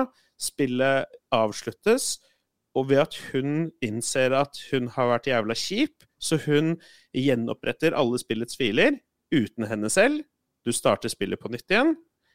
Og da er det nabojenta som blir gæren og begynner å prøve å ta over og drepe alle. Så hun, så Monica, denne bakpersonen, eh, bestemmer seg for at dette spillet her kan ikke eksistere, og så sletter hun spillet fra harddisken din. Og så kan det ikke spilles mer. Um, og den reisen hadde jeg aldri, En sånn type reise hadde jeg bare aldri vært med på. Eh, det er litt som når du spilte Metal Gear Solid første gang, og du måtte ta kontrollen din ut av kontrollport 1 og inn i 2 på Psycho Mantis for at den ikke skulle lese liksom, hvordan du løp og sånne ting. At du måtte finne den koden på baksida av coveret for å Den type greier, den, det er nytt, og det mm. syns jeg er kult. Jeg tror det har kommet DLC-greier, for det spillet har vel kommet i liksom nye utgaver. Jeg vet ikke hva helt det nye greia er, men eh, ja. Eh, ja, fordi det er litt sånn dette spillet er litt sånn iceberg. Fordi nå toucher vi bare på det øverste laget, altså det som er spillet, den liksom vanlige opplevelsen. Men i tillegg, i spesielt denne DLC-en, så har de lagt inn masse sånne easter eggs til masse forskjellige ting. Det finnes et prosjekt Libertania, og, så er det masse teorier om hvem Ja masse forskjellige greier. Det er, eksisterer et ekte selskap også ser, som utvikler dette spillet og har utviklet verdener. Også. Det er bare det er, det eller isfjellet går veldig dypt, da. Uh, men i den utvidelsespakka så er det ikke så veldig mye mer enn noe ja, mer bakhistorier og sånne ting som mm. ja, bare gir historien mye mer, egentlig litt unødvendig, men kanskje litt spennende dybde. Ja. Jeg applauderer det de uh, gjorde, selv om det ikke er for alle. Sånn er det bare. Ja, det gjør jeg òg. Det gjør jeg òg. Men jeg sier altså ja, ja, World of Horror, som jeg vil sammenligne det her med, som er et uh, anime, manga-inspirert uh, horrorspill. Litt sånn visual novel, men litt rollespill òg. Call of Cthulhu. Random-generert. Det, det, spiller litt på de samme følelsene, men det er jo ikke den derre uh, metagreia som det her er. Så jeg syns det er kult at de har laga det, men det er det er ingenting her som får meg til å ville være med på den reisen. Det er helt OK. It's fine. Og nok veldig forståelig. Eh, jeg sa det samme når jeg solgte inn spillet til en venn her i forrige uke, at det er dritkjedelig to første timer. Kom deg gjennom det. Og når det begynner å bli interessant, bare følg den tråden litt, og så vil du få en unik spillopplevelse. Det står jeg for fortsatt, men jeg skjønner veldig godt at det er vanskelig ja, det, å dra seg gjennom de timene. Det er unikt, men det er uh, Ja, det blir jo et spill etter hvert. Det er to timer med å trykke på space for å, for å fikle i menyer og manipulere ting, sånn at det faktisk er interaksjon. Dette var spillklubben for denne gangen. Takk. Vi har jo dyttebidrag og alt mulig. Ja. Eh, Spruceman sendte jo inn relativt tidlig her eh, at han hadde kommet seg gjennom spillet. Han sier at det traff meg mye bedre enn Stanley Parable, selv om det er mange likhetstrekk. Det starter litt treigt, men som en god bok så må verden bygges opp før man får et forhold til den. Spillet eksperimenterer med morsom bruk av bilde og musikk, og det har den effekten at man husker godt flere av scenene. Man har noen valg underveis som tilsynelatende får store konsekvenser for spillets historie, så spillet har noe gjenspillbarhet. Man blir også glad i karakterene. Og selv om mange av temaene er litt mørke, så er spillet fullt, fullt av god humor. Det treffer nok bedre folk på rundt 20 enn de på 40 pluss, men det gjelder nok What? det meste av litteratur. Tommel opp. Ja, det er spot on fra Spruceman. Veldig bra. Tja. Nei, men jeg har ikke noe mer å si om det spillet her. Er vi ferdig snakka om det? Men det var bra valgt. Altså, vi skal jo ha litt forskjellige ting. Og så var det lengden var jo heller eh, var jo også innafor. Eh, det var ikke Final Fantasy 7. Det var også et pluss at du ikke valgte Final Fantasy 7, Philip. Så ja, lukk ørene. Nå kommer det en høy fløyte her.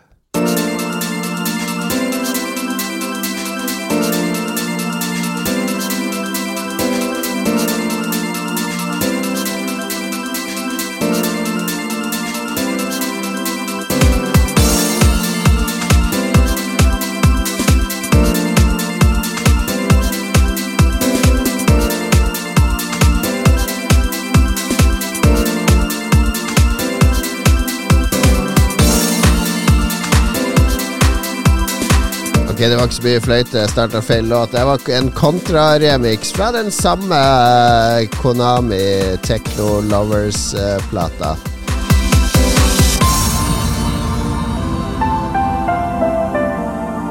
Her hører vi det klassiske kontrapianoet òg.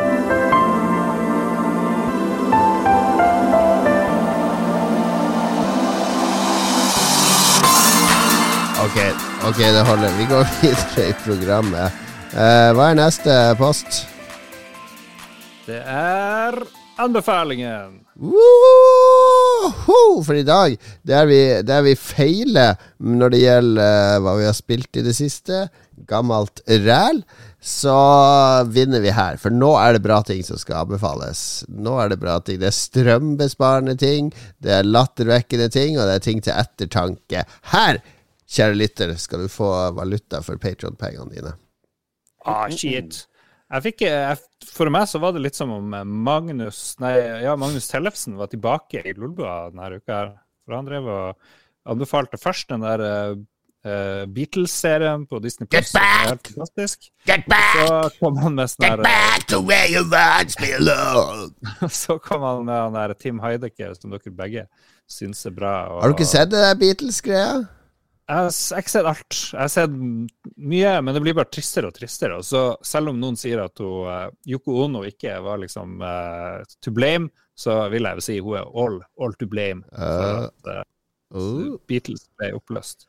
ja. De sitter og koser seg, har det gøy, tilsynelatende. Yoko Ono, strekkjeft, har det ikke morsomt i det hele tatt. er jo ganske uttrykksløs. Jeg begynte Jeg så halve den første, og jeg har ikke så mye forhold til Beatles. Jeg må innrømme at det ble litt sånn eh, ikke, ikke alle låtene jeg kjenner. Jeg kanskje tenker at Peter Jackson kunne klippet enda litt mer ned. Men jeg skjønner jo, fordi Beatles-fansen Jeg husker når det kom den Beatles der One-plata med gule entallet på sånn rød bakgrunn. Der de hadde remastera de gamle låtene på Akersvik. Da sto det sånn 20 Beatles-fans lina opp en time før åpningstid. De skulle ha den plata mint perfect condition med seg hjem og høre på Beatles. Så det er, det er mange av de.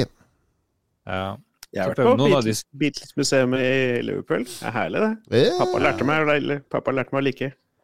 Yeah, Men yeah, yeah. dette er, er denne den serien Er det bare på Apple eller noe sånt? Eller uh, Disney Plus. Disney Pluss var det. Ja, det var derfor jeg ikke har sett den. Jeg, jeg, synes, uh, jeg så en tweet om den som var litt morsom. Uh, det var vel han Tim Heidecker uh, som du skal snakke om, Lars. Fordi han Ja. tweeta at den, den er så bra at du skulle tro Disney ikke hadde hatt noe med den å gjøre. Ja, eh, jeg er jo ikke noen sånn Tim Heidecker-fyr, men jeg er jo en Joe Rogan-fyr. Og det er jo Philip òg, vet jeg. Og nå har han det her Heidecker virkelig tatt han der Joe Rogan på kornet. Han spilte inn en sånn timelang fake eh, podkast med to sånne her halv-kvasi-filosofisk vitenskapelige folk som skal prate om verden og hvor woke, woke folk er, og hvor kjip eh, alt er. og å, husker dere hvordan det var før? Og så skal de snakke om sånn diettsupplement og eh, Det er akkurat sånn som å høre på eh, Joe Rogan, bare med masse sånne små morsomme stikk. Og det er helt fantastisk. Jeg holdt på å flire meg i hjel eh, mens jeg spiste middag eh, her i kveld.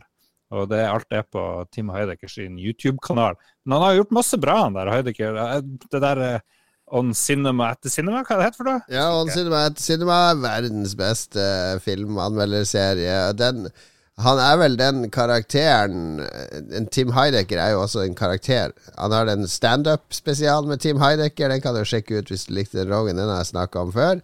Der er han også den karakteren Han er en sånn karakter som er litt sånn alt-right-idiot. idiot. Eh, som eh, ja, eh, speiler litt sånn eh, samfunnet der borte. Det, han er den karakteren gjennom hele On meg etter Cinema. Og så har du også The Trial of Tim Heidecker, som er seks timer med rettssak.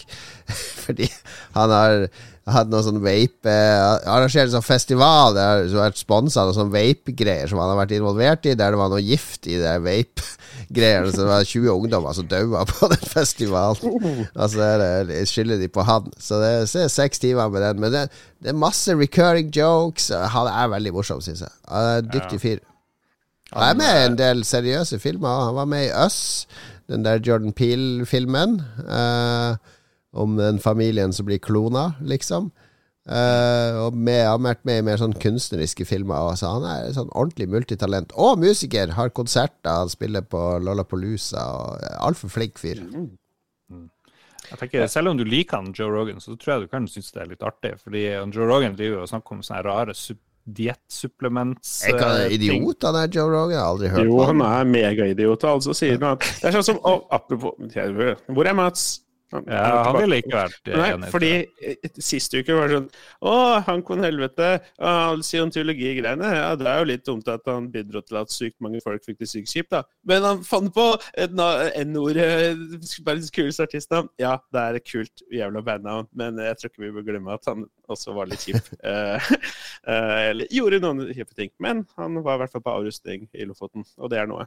Eh, Joe Rogan, jeg er ikke så veldig glad i han heller. Han er god til å spre utrolig unødvendig informasjon. Det er og Jeg er også litt sliten. Man støtter han hver gang man klikker på han, så jeg ser veldig sjelden på noe som har noe med han å gjøre. Men dette her dette virker veldig morsomt. Jeg titta ett minutt på et klipp nå mens dere snakka, og han virker å ta han skikkelig på kornet. Uh, så dette tror jeg er artig.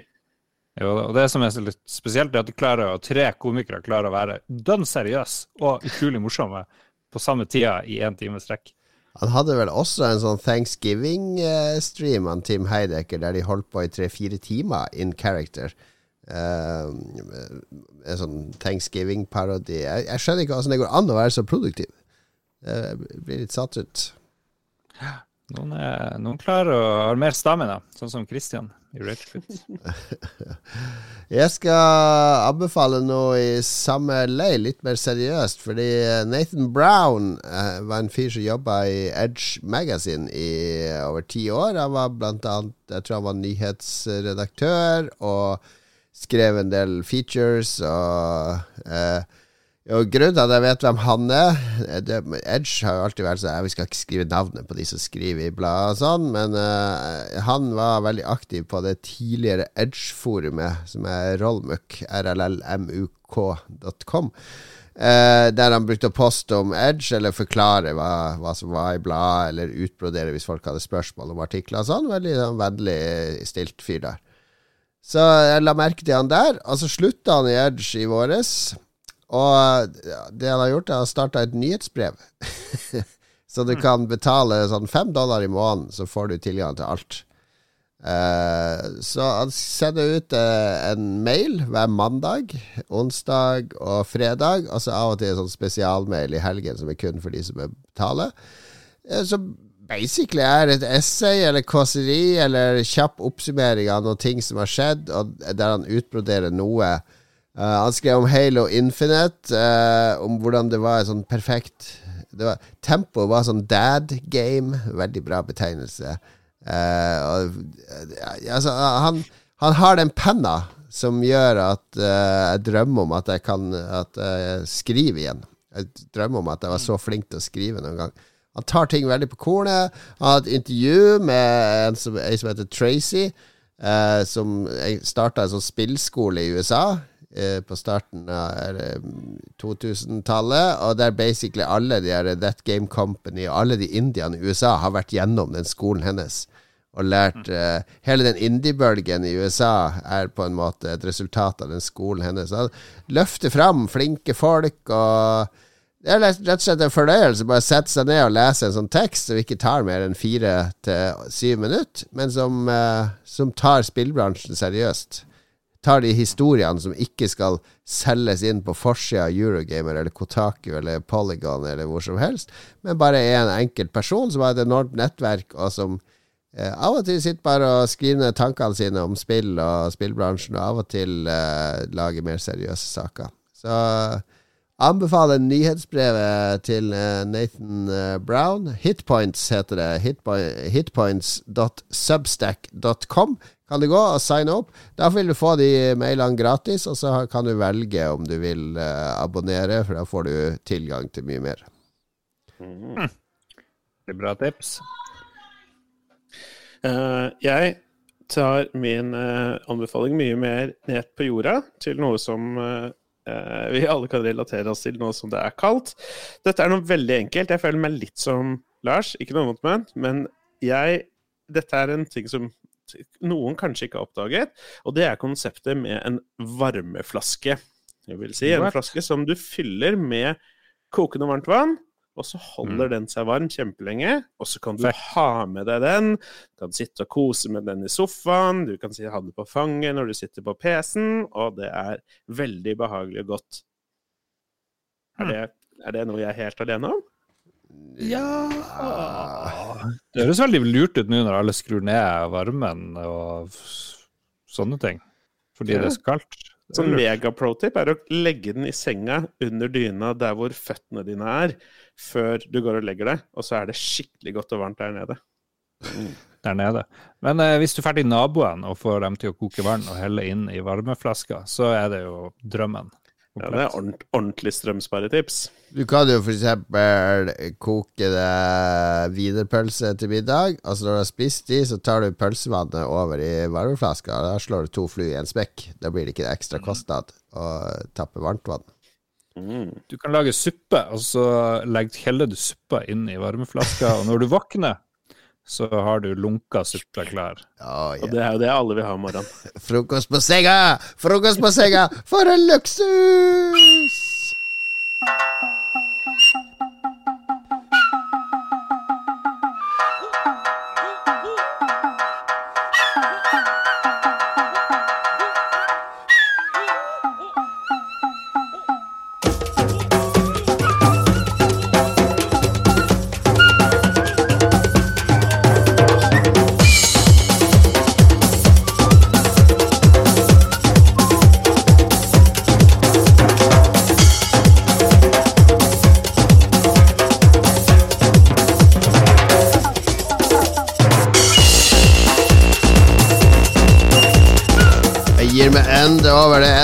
Konami Techno-remix denne gangen av det kjente spillet Ganbare Goemon. eh, På engelsk bedre kjent som Lars uh, go, go, Goemon. Jeg husker ikke. Jeg spilte et på Nintendo 64. Legend Det of Mystical Ninja. Ja, det var helt fantastisk. Spilte du det, jo? Ja, artig spillserie. Eh, Det var bare noen få av de som kom til Vesten. Men uh, artig, kreativ spillserie. Vi er på lytterspalten, og det har du lova litt fra forrige episode at vi skulle ta det som var igjen der, Lars. Her er det bare å begynne å surfe, klikke, scrolle. Skrolle. Jeg Godt forberedt. jeg- Vent litt. Skal vi se hvor det er forrige uke I mellomtida, Filip, du kan jo ta en Ja, der, der har han de. Det gikk bra. Oi, oi, oi. Ja, hvor langt var det vi kom sist, da? Skal vi se Han um, Jeg vet faen, altså. Dette, du har dette, Lars. Det her er Det her er uh, Hvor mye gleder vi oss til Tonje Frigstad fra Farmen skal erstatte Sofie Lise? Den har vi tatt. Ja. Uh, hvor store fisk har vi hatt på kroken fra Dag Thomas? Snakka vi om hans greier? Han hadde jo en sånn der wall of text. Ja, ja, ja. Adrian Haugen hadde bursdag. Gratulerer. helvete. Gratulerer. Eh, hva er reglene for pendlerbolig i Lolbua? Har vi hatt den? Nei, den har vi ikke hatt. Ja. ja. Hva er reglene for pendlerbolig i Lolbua? Jeg har jo fem pendlerboliger. Jeg føler at vi har svart på det her, men jeg er litt usikker. Ja. Og så hadde vi Reach Around. Vi, har hatt den. vi hadde Reach Around med Joakim Strandberg. Eh, ja, skal vi se Dette er god podkast. Ja, kjempebra. Thomas Washington du klar. Beklager. Skal vi se. Thomas Washington Holmedal er i Belgia for å jobbe med verdens største trøskere. Hva faen er det for noe? Trøskere, det er jo sånn der i, i åkeren, er det ikke det? Ja. Ikke en Fabrikken har et lite problem pga. korona, så de leier inn folk rundt om i verden til å feilsøke og reparere. Jobbet her snart i to uker. Bra betalt og veldig Jeg spennende. tror jeg vi hadde sist. Ok, men vi hadde ikke det her på Ja, Torbjørn Frøyskau vil ha eh, framdriftsrapport på Ja. boka til meg og Mats. Ja, nettopp. Nå er ikke Mats her til å svare for det, så Nei. det må vi ta neste gang. Det må vi ta neste gang. Mm, det var dumt. Wheel of Time, hva syns du om seriestarten på det? Det jeg spør. Ja, den har jeg ikke sett, men jeg hører, både, jeg hører folk som sier at den er eh, De liker det mye bedre enn f.eks. Game of Thrones, fordi den er litt sånn tett til bøkene og litt sånn lavmælt og jordnær. Ja, og så er det noen jeg har sett skrive bare sånn Herregud, det ser ut som sånn TV-serie fra 90-tallet. Så lav produksjon. Så bare, ja, dette er ikke flatt nok for meg og min nye 83-tommers TV! Ja, faen meg betalt 45 000 for den TV-en! Jeg skal ikke se på sånn dritt! Gi meg CGI! CGI! Masse effekter! Effekter! HDR! HDR! Ja, veldig godt svar. Jeg har ikke sett den heller. Ikke du heller, Filip? Philip? Nei, jeg, men jeg har heller ikke noe forhold til uh, kildemateriale. Ja. Det har ikke jeg heller aldri giddet å lese de bøkene, for jeg har alltid hørt at de er altfor lange og kjedelige. Mm. ja. Jeg begynte å lese serien, og så ble det bare drit. Det var jo stort sett bare drit hele veien. Eh, Håkon Punt Puntervold, hvis jeg hadde bitt Nei, hvis jeg hadde blitt et dyr med nebb, hvilket dyr hadde det vært? Onkel Skrue. Andunge. Ja Howard the Duck? Eh, Du hadde valgt den mest trasige anda av alle. ah, jeg likte den filmen. Ja. Den er ganske dårlig i dag, jeg er ganske sikker på. All right, next. Eh, hvis vi skulle filmatisert noe fra Bibelen, spør Joakim Sternberg, hva hadde det vært? Mel Gibson gjør jo suksess med at han blir drept. Ja. Det er jo sånn klassiker å ta, da. Ja, Ja, Moses har blitt gjort flere ganger også. Moses Ja, har er blitt den gjort. Han, den er blitt gjort, oh, ja. altså. Den er blitt filmatisert. også, Dette gikk jeg glipp av. det, det kapittelet i Bibelen er det. Mm. Ja, Noah. Noahs ark Det er også blitt gjort med Russell Ja. Crowe. Han er Ja. Master of Commander-favoritten din. Den må du se. Master of Commander er jo ikke om Noahs ark. Nei, men det er, om, eh, men det er med Russell Crowe. Ja, det ja, Og Russell Crowe har spilt i Noahs ark. ja, ja, ja. Må henge med i svingene her, da. Ja. Kain og Abel, den vil jeg se. Mm. ja. Det er bra. Litt sånn eh, blodig. Blodig brø brødre, er det det de var? De Jeg vil se Apostlenes hester. Det tror jeg ikke har blitt filmatisert. Er det, er det de med Nei, hva heter det? Det er noe sånn Apostlenes bøker, er det ikke det? Eh, Apostlenes hester er jo bare beina dine. ja, det er det kanskje. Er det ikke noe sånn Apostlenes gjerninger? Ja, det er det femte Ja, ja. boka. Apostlenes gjerninger. Den vil jeg se. Ja. Gi meg Korinterbrevene. Jeg er mest fokusert på mormonsk bibel, jeg, så jeg syns det er vanlig Ja, det er bibel. Det, er- Den. det er weak. Alright, har vi flere av disse gamle spørsmålene vi må få Ja, et, overstått? eh, det er ikke noe spørsmål. Jeg spurte jo bare hva som skjedde, og han Audun Selsvold sier til slutt fått korona, isolert på kontoret. Det er dritt, men han har fått spilt Axiom Verge og Loop Hero. Ja. Gode tips derfra. Hvor er, Sånn. hva var det han het, sa du? Nå har jeg scrolla bort. Uh, Audun. Selsvold. Ja. Ja. Yo, yo. Jeg håper han har sendt inn oppdatering på om det blir bedre denne uka her. Ja, det var det jeg skulle sjekke om han var i live fortsatt. Men det er ser, ser ut som Det står ikke noe på Facebooken hans at han er død. Så han håper jeg du bidrag, så- kom deg gjennom korona trygt og godt, Audun. Det er jo ingen som skriver på Facebook at de er døde. Jo, for det, jo, men det, du får jo faktisk mulighet til å ta over kontoen til folk som dør. Det, det er en realitet, det her. Kan vi ta over kontoen til Hank von Helvete? Vi har jo venner som har døde, vi, eh, Lars. Så Ja. de har jo Facebook fortsatt. Men Ja. Hvordan søker man om det? Om man får lov til å ta over en død konto? På han vennen vår eh, som heter Tom, der på Facebook-sida hans så står det 'Remembering Tom'. Mm. We hope people who love Tom will find comfort in visiting his profile to remember and celebrate his life. Så det var det jeg så etter nå hos uh, han eh, Audun, om det sto det. Så heldigvis sto det ikke det, da. Remembering okay. Audun Selsvold. Ja, ja. Uh, ja, men vi har jo heldigvis masse nye lyttebidrag denne uka her også. Det har vi. Trond Sinfor Borgersen. Barbie-spill. Hvilket er faktisk det beste? Uh, Barbie 2000 eh, var veldig bra, husker jeg. Det kom i 1999 og var en sånn fremtidsfabel eh, med Y2K. Driver og wipe out society. Barbie er den eneste som overlever, nesten. Jeg håper må uh, min på ti, han, han ser mye den Det er sånn Barbie-serie på Netflix eller et eller annet sted. Den liker han ganske godt. Der er jo en sånn influenser som bor i et hus. Hæ. Mm. Passende. Men eh, la meg se, la meg google litt her. Ikke dere google nå. Yes, her, ja. Barbie Video Games. Det er en egen kategori på Wikipedia. Ikke google nå! Er dette fake or not? Er dette et Barbie-spill? Barbie Nail Designer. Philip? Fake or not? Ekte. Ekte Lars? Ja, det er ekte. Ja, riktig, det er ekte.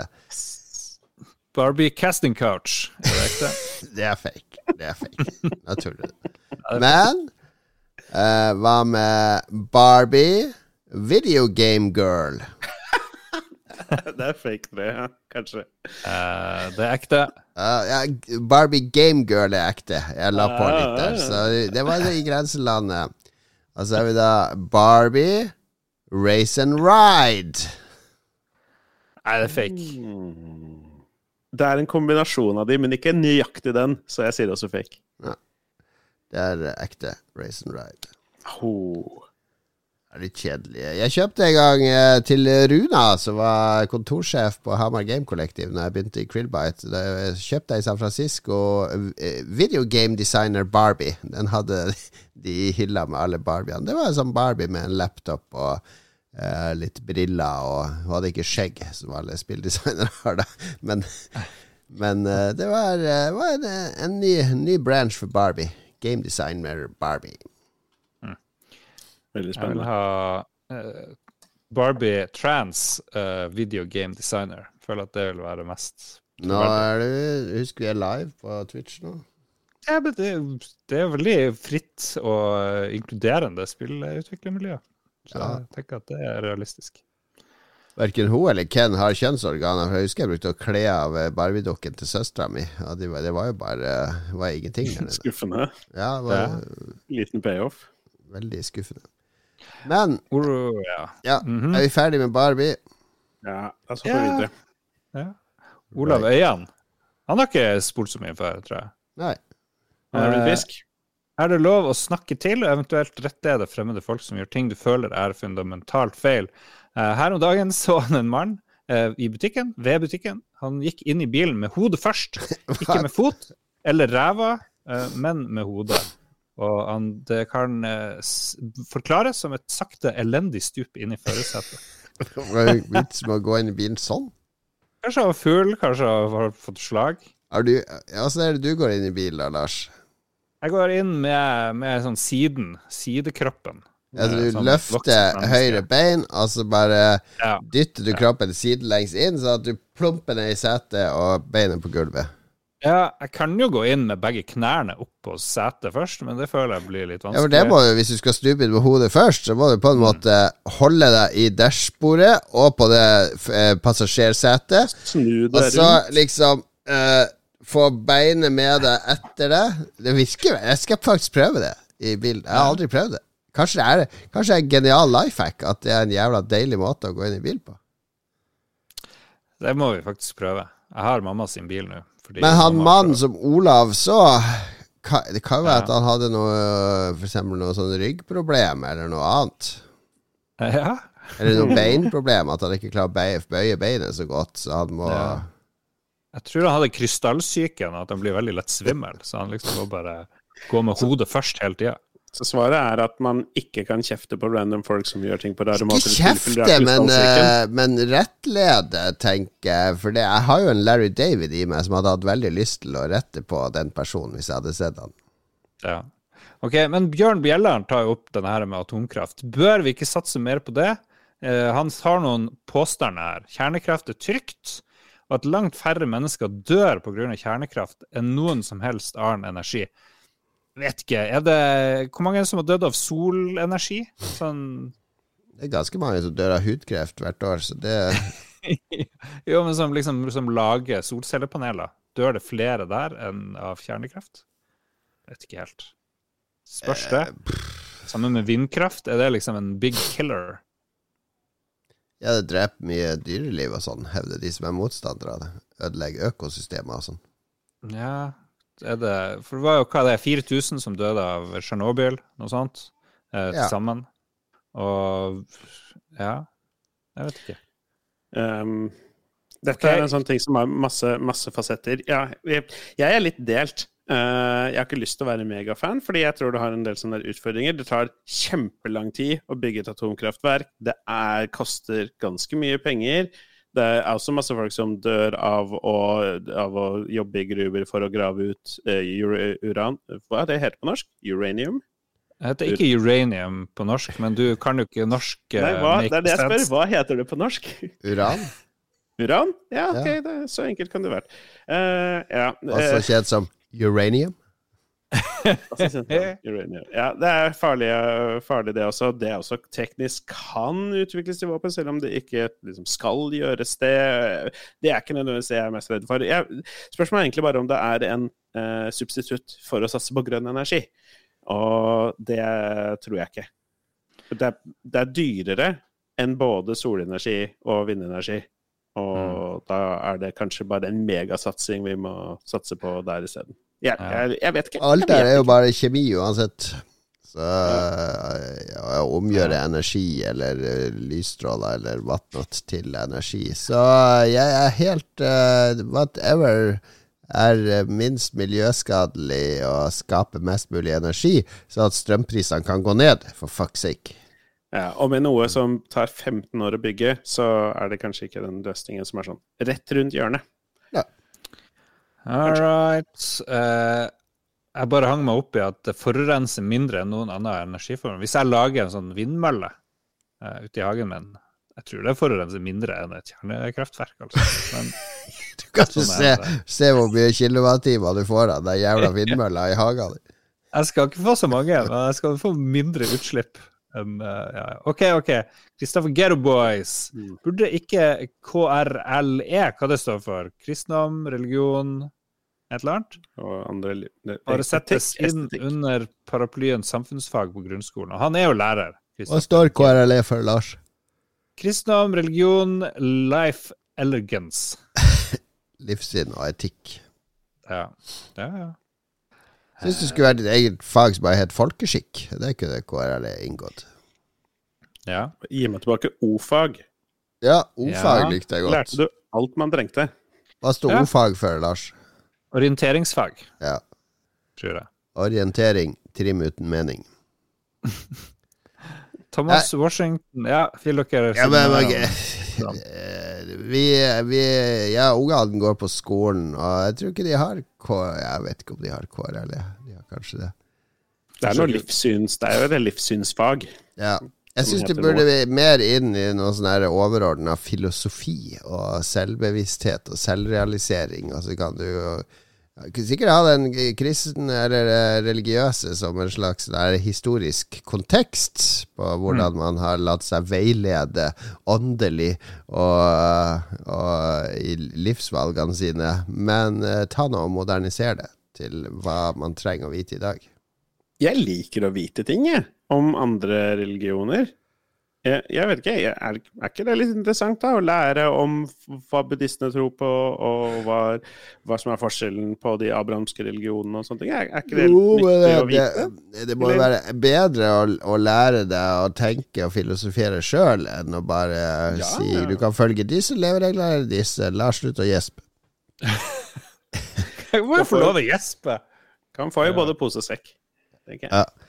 Lars mener jo at uh, Lars mener sikkert at ja. kopping skal inn i barneskolen. ja, ja, ja. Jeg syns Snåsamannen skal inn. Sjaman Shaman Durek skal inn. Hvorfor stoppe med, med kristendom? Kristendom er jo ut! De kom under sperregrensa. Det er jo helt ut. Ja, det er politikk. Uh, Thomas Holmedal, Farming Simulator 22, GOTY. Hva står yeah. GOTY for, Jon Cato? Goats uh, over the year. Yes, baby. Goats over the year. Mm. uh, ja. Svaret på det er vel ja. Ja. Det er ja. helt enig. Jeg har lyst til å spille det, men uh, må, jeg har Formel 1 og jeg må kjøre. Ja. Går det an å kjøre traktor i sånn racingstol? Ja, ja, ja. ja, ja. Det, det finnes traktorkontroller òg, fra Logitech. Eh, Simen Rudløkken lurer på Er det Jonas Gahr Støre som skjuler seg under en av maskene i Maskorama. Han har vært mistenkelig stille siden han ble statsminister. Uh, det var jo Abid Raja sist, da. Han har gått, han har gått sånn på huk lenge, for han har vært sånn bitte liten nisse. Så han har gått på huk i det kostymet hele tida. Det var litt gøy. Oh my god. Ja vel.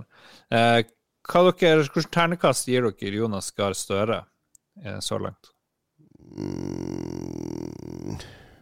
Jeg syns jeg savner litt eh, Erna. Må si, eh, sånn, uansett politikk, så hun var litt mer smell i henne. Du trodde mer på henne? Jeg trodde ja, mer men, på ja, Jeg tror det henger mye sammen med håndteringa av, av korona. eh, som jeg er helt enig i, at jeg er skuffa over den, hvordan den nye regjeringa har håndtert det. Eller, det, er ikke noe sånn, jeg har ikke noe sånn spesifikt å være misfornøyd med, det er bare mer hvordan ting formuleres, hvilke signaler som sendes, Ja. og hvilke grep som tas. Jeg føler Erna var litt mer uh, hard i klypa, kanskje. Jeg syns det er en grei start, fordi det nye budsjettet det her det er en del kule ting. Sånn, så den- og så har de SV har vel sagt at den brillestøtta skal tilbake. For jeg syns det var litt drøyt i fjor når vi måtte betale 8000 for nye briller til en tolvåring, liksom. Det, det hang ikke på grep, fordi før var det støtte for det, så at du holdt det på to, to og et halvt eller noe sånt. Men den fjerna jo Erna, selvfølgelig. Barna trenger ikke briller, de. Herregud.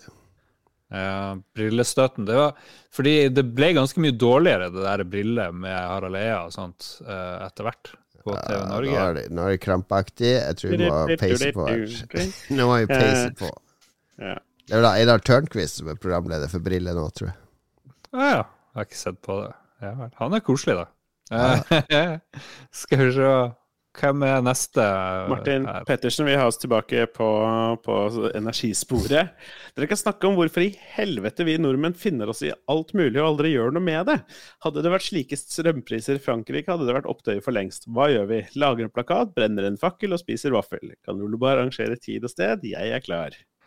Hva er strømprisen i Frankrike? Det kan jo hende den er fett høy. han jo ikke det. Ja, det? sannsynligvis er den, er den det. Men, Mm. det ja.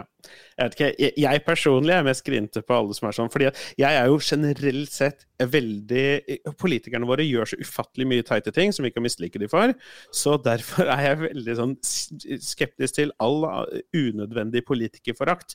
Når en politiker lover eller sier at han har lyst til å få til noe, og så gjør han så godt han kan og får til halvparten, så er ikke det å ljuge. Det er sånn politikk fungerer.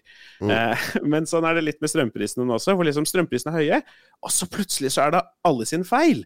Og det, det, alt er så jævlig. Og, og, og vi har hatt det samme måten å styre på, strømindustrien på, energien på liksom i, siden 90-tallet. Men plutselig nå så er det et kjempeproblem. Og hva er problemet? Nei, noen skal tjene seg rike. Hvem er disse Nei, Det er staten skal tjene masse penger på vår bekostning fordi de må balansere budsjettet sitt. Og det er liksom sånn Ja, men jeg tror ikke det har noe med det å gjøre. Jeg tror Nei, det det, har er- med det har ikke det. Det er det som er problemet. Det, er, det er det som er så slitsomt. da, At det liksom blir sånn herre Man skal Det er ute etter noen som Ja, øh, jeg vet ikke. Ja. Nei, fordi det er jo ingen som tjener seg rik, tror jeg, i Norge på de strømprisene. Fordi det er jo kommunene og sånn som eier de her greiene. Er det her, og det blir kjedelig. Jeg er så lei Nei, ok, det er greit. Ikke nok om de her strømprisene Ja, ja, ja, eh, altså, ting går opp og ned, rente går opp og ned, alt mulig. Ting kan skje. Man bør jo Ja, det er, det er litt sånn Jeg føler at alle i Norge er så små barn, og så er regjeringa og Stortinget Det er liksom mamma og pappa som skal passe på dem hele tida. Men nå er det fucked. Må fyr med ved, gjør det du kan, redusere strømforbruket det du kan. Vi kommer oss sikkert gjennom vinteren. Vi lever, ikke sant? Du kommer til på våren, kjenner du 'Å, jeg lever! Jeg lever, jeg overlevde!' Den f fanatiske strømvinteren.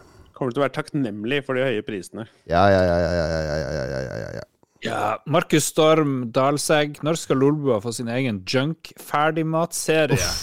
Lolpizza. Det må jo Dag Thomas stå for de greiene her. Det er han som er vår junk-ekspert de luxe. Eh, når, eh, når Ståle og Dag Thomas runder 40 i BMI, så da tror jeg vi er klar for å få egen sånn junk food-greie. Uh, Nakenbilder av de to på coveret. De har vært bra som kokkeprogram med de to. Ja, ja, det det The. Naked Chefs. Begge er nakne, bare med forkle. Det hadde jeg Mm. betalt mye Patron-penger for å se. Så et kult spørsmål fra Øystein. Hvordan ser dere for dere at den gjennomsnittlige Lolbua-lytteren er? På alle mulige måter. Jeg tror på mange måter de er sånn refleksjon av oss sjøl. På, Ja. på mange måter. Altså, det, det, er jo, det er jo sånn det er. Så Joe Rogan-fans De er jo en refleksjon av Joe Rogan osv. Man trekker jo til noe man kan speile og identifisere seg sjøl i. Ja. Vi har jo møtt veldig mange Lolbua-lyttere, og de er Ja. jo gjennomgående. Veldig attraktive alle det er sammen. sånn Så det er godt poeng. unntak. Ja, det er pene, meget intelligente, reflekterte Ja. folk. Så det er stort sett speilbilde av oss. Mm. sjenerøse folk. Noen litt for Store, sjenerøse. store peniser. Ja, Ja. som regel. Enorme vaginaer. Vår venn eh, Ruben sier uh, har et spørsmål her. En kollega av han mener nemlig at under tre enheter er å regne som en hvit dag. Mens han mener at det er under to, men øl regnes ikke. Hva er riktig? Ja, jeg tror jeg, jeg tror jeg er på Ruben her. To, to drinker Ja, OK, to øl er i hvert fall ikke noe sånn forferdelig mye, er det? Øl regnes jo ikke her, så du kan Nei, drikke øl i tillegg. Ah, Så jeg mener jo Ruben, det, det er litt sånn alkoholikergreie, Men under tre enheter det, Hvis du er på ferie, for eksempel, eh, og du drikker under tre enheter på en dag Du er på ferie uten bar eller ansikt to uker i Syden. Under tre enheter alkohol, da, det er hvit dag. ja. Ja, Når det er på ferie. Ja, ja, Ja, definitivt. det vil jeg si. Jeg er med på to Ja, kanskje én enhet. Det, men over, over én, da begynner det å ligne Da, Da er det da ikke hvit, da er det ikke hvit dag lenger, i hvert fall. Det er grå, grå dag. grå dag. Da er Beklager, Ruben. Du må eh, søke eh, bedriftshelsetjenesten din. Mm. Torbjørn Praus Skau Hansan eller Byrne, hvem er Peak Ter Terrace House-deltaker? Er det Hansan eller Burn? Ja, det er jo noe sånt. Hæ? Jesus Christ, er det det her orker jeg ikke. Det er spørsmålet jeg orker Ja. ikke. Kom igjen, Lars.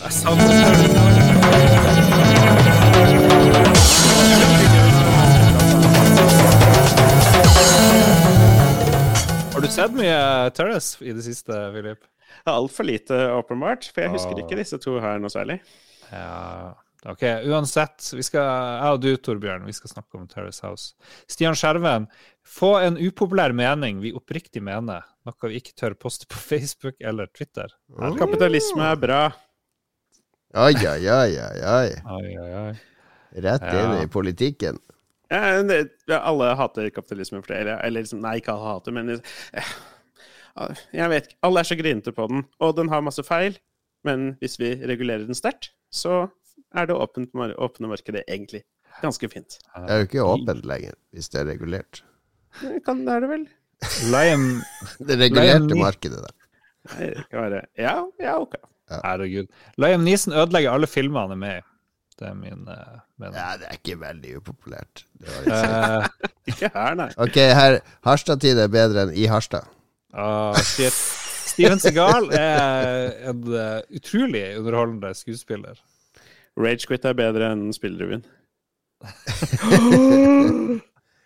Uh, nei, jeg har, jeg, jeg har jo noen upopulære meninger. Jeg har jo det om teatret jeg sa tidligere i dag.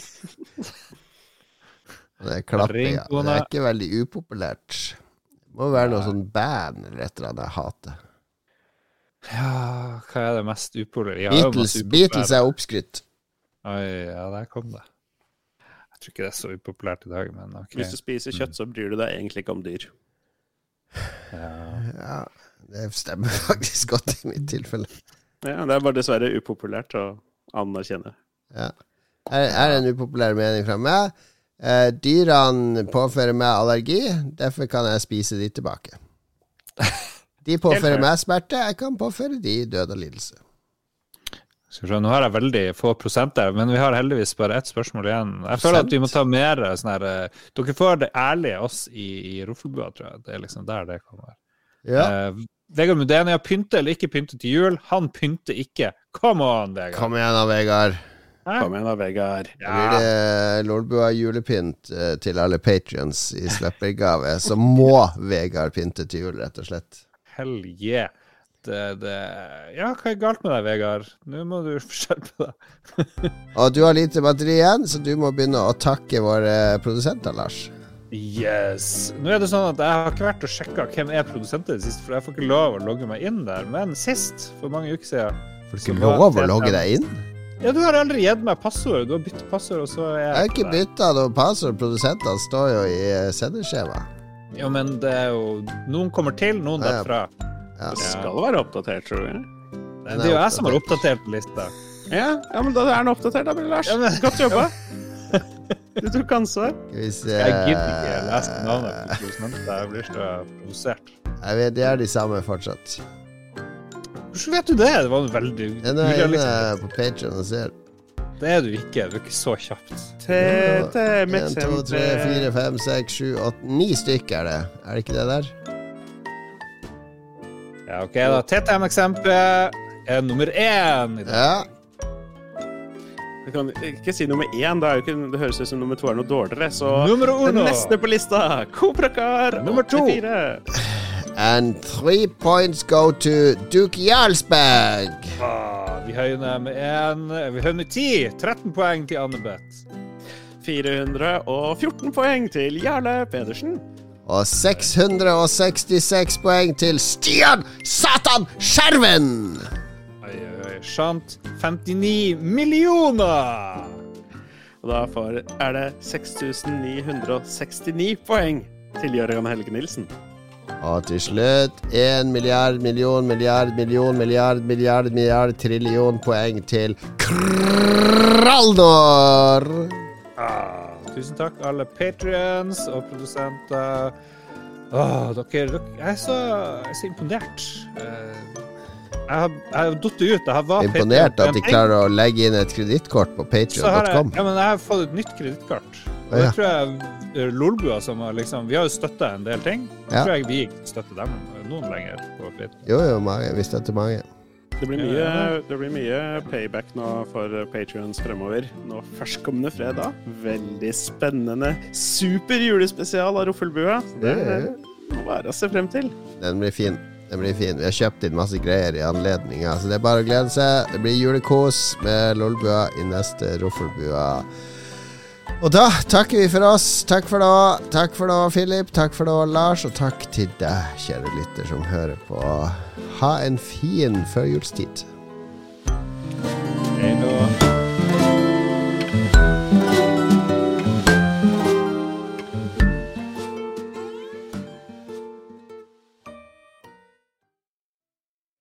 Har du et enkeltpersonforetak eller en liten bedrift? Da er du sikkert lei av å høre meg snakke om hvor enkelt det er med kvitteringer og bilag i fiken, så vi eh, gir oss her, vi. Fordi vi liker enkelt. Fiken superenkelt regnskap.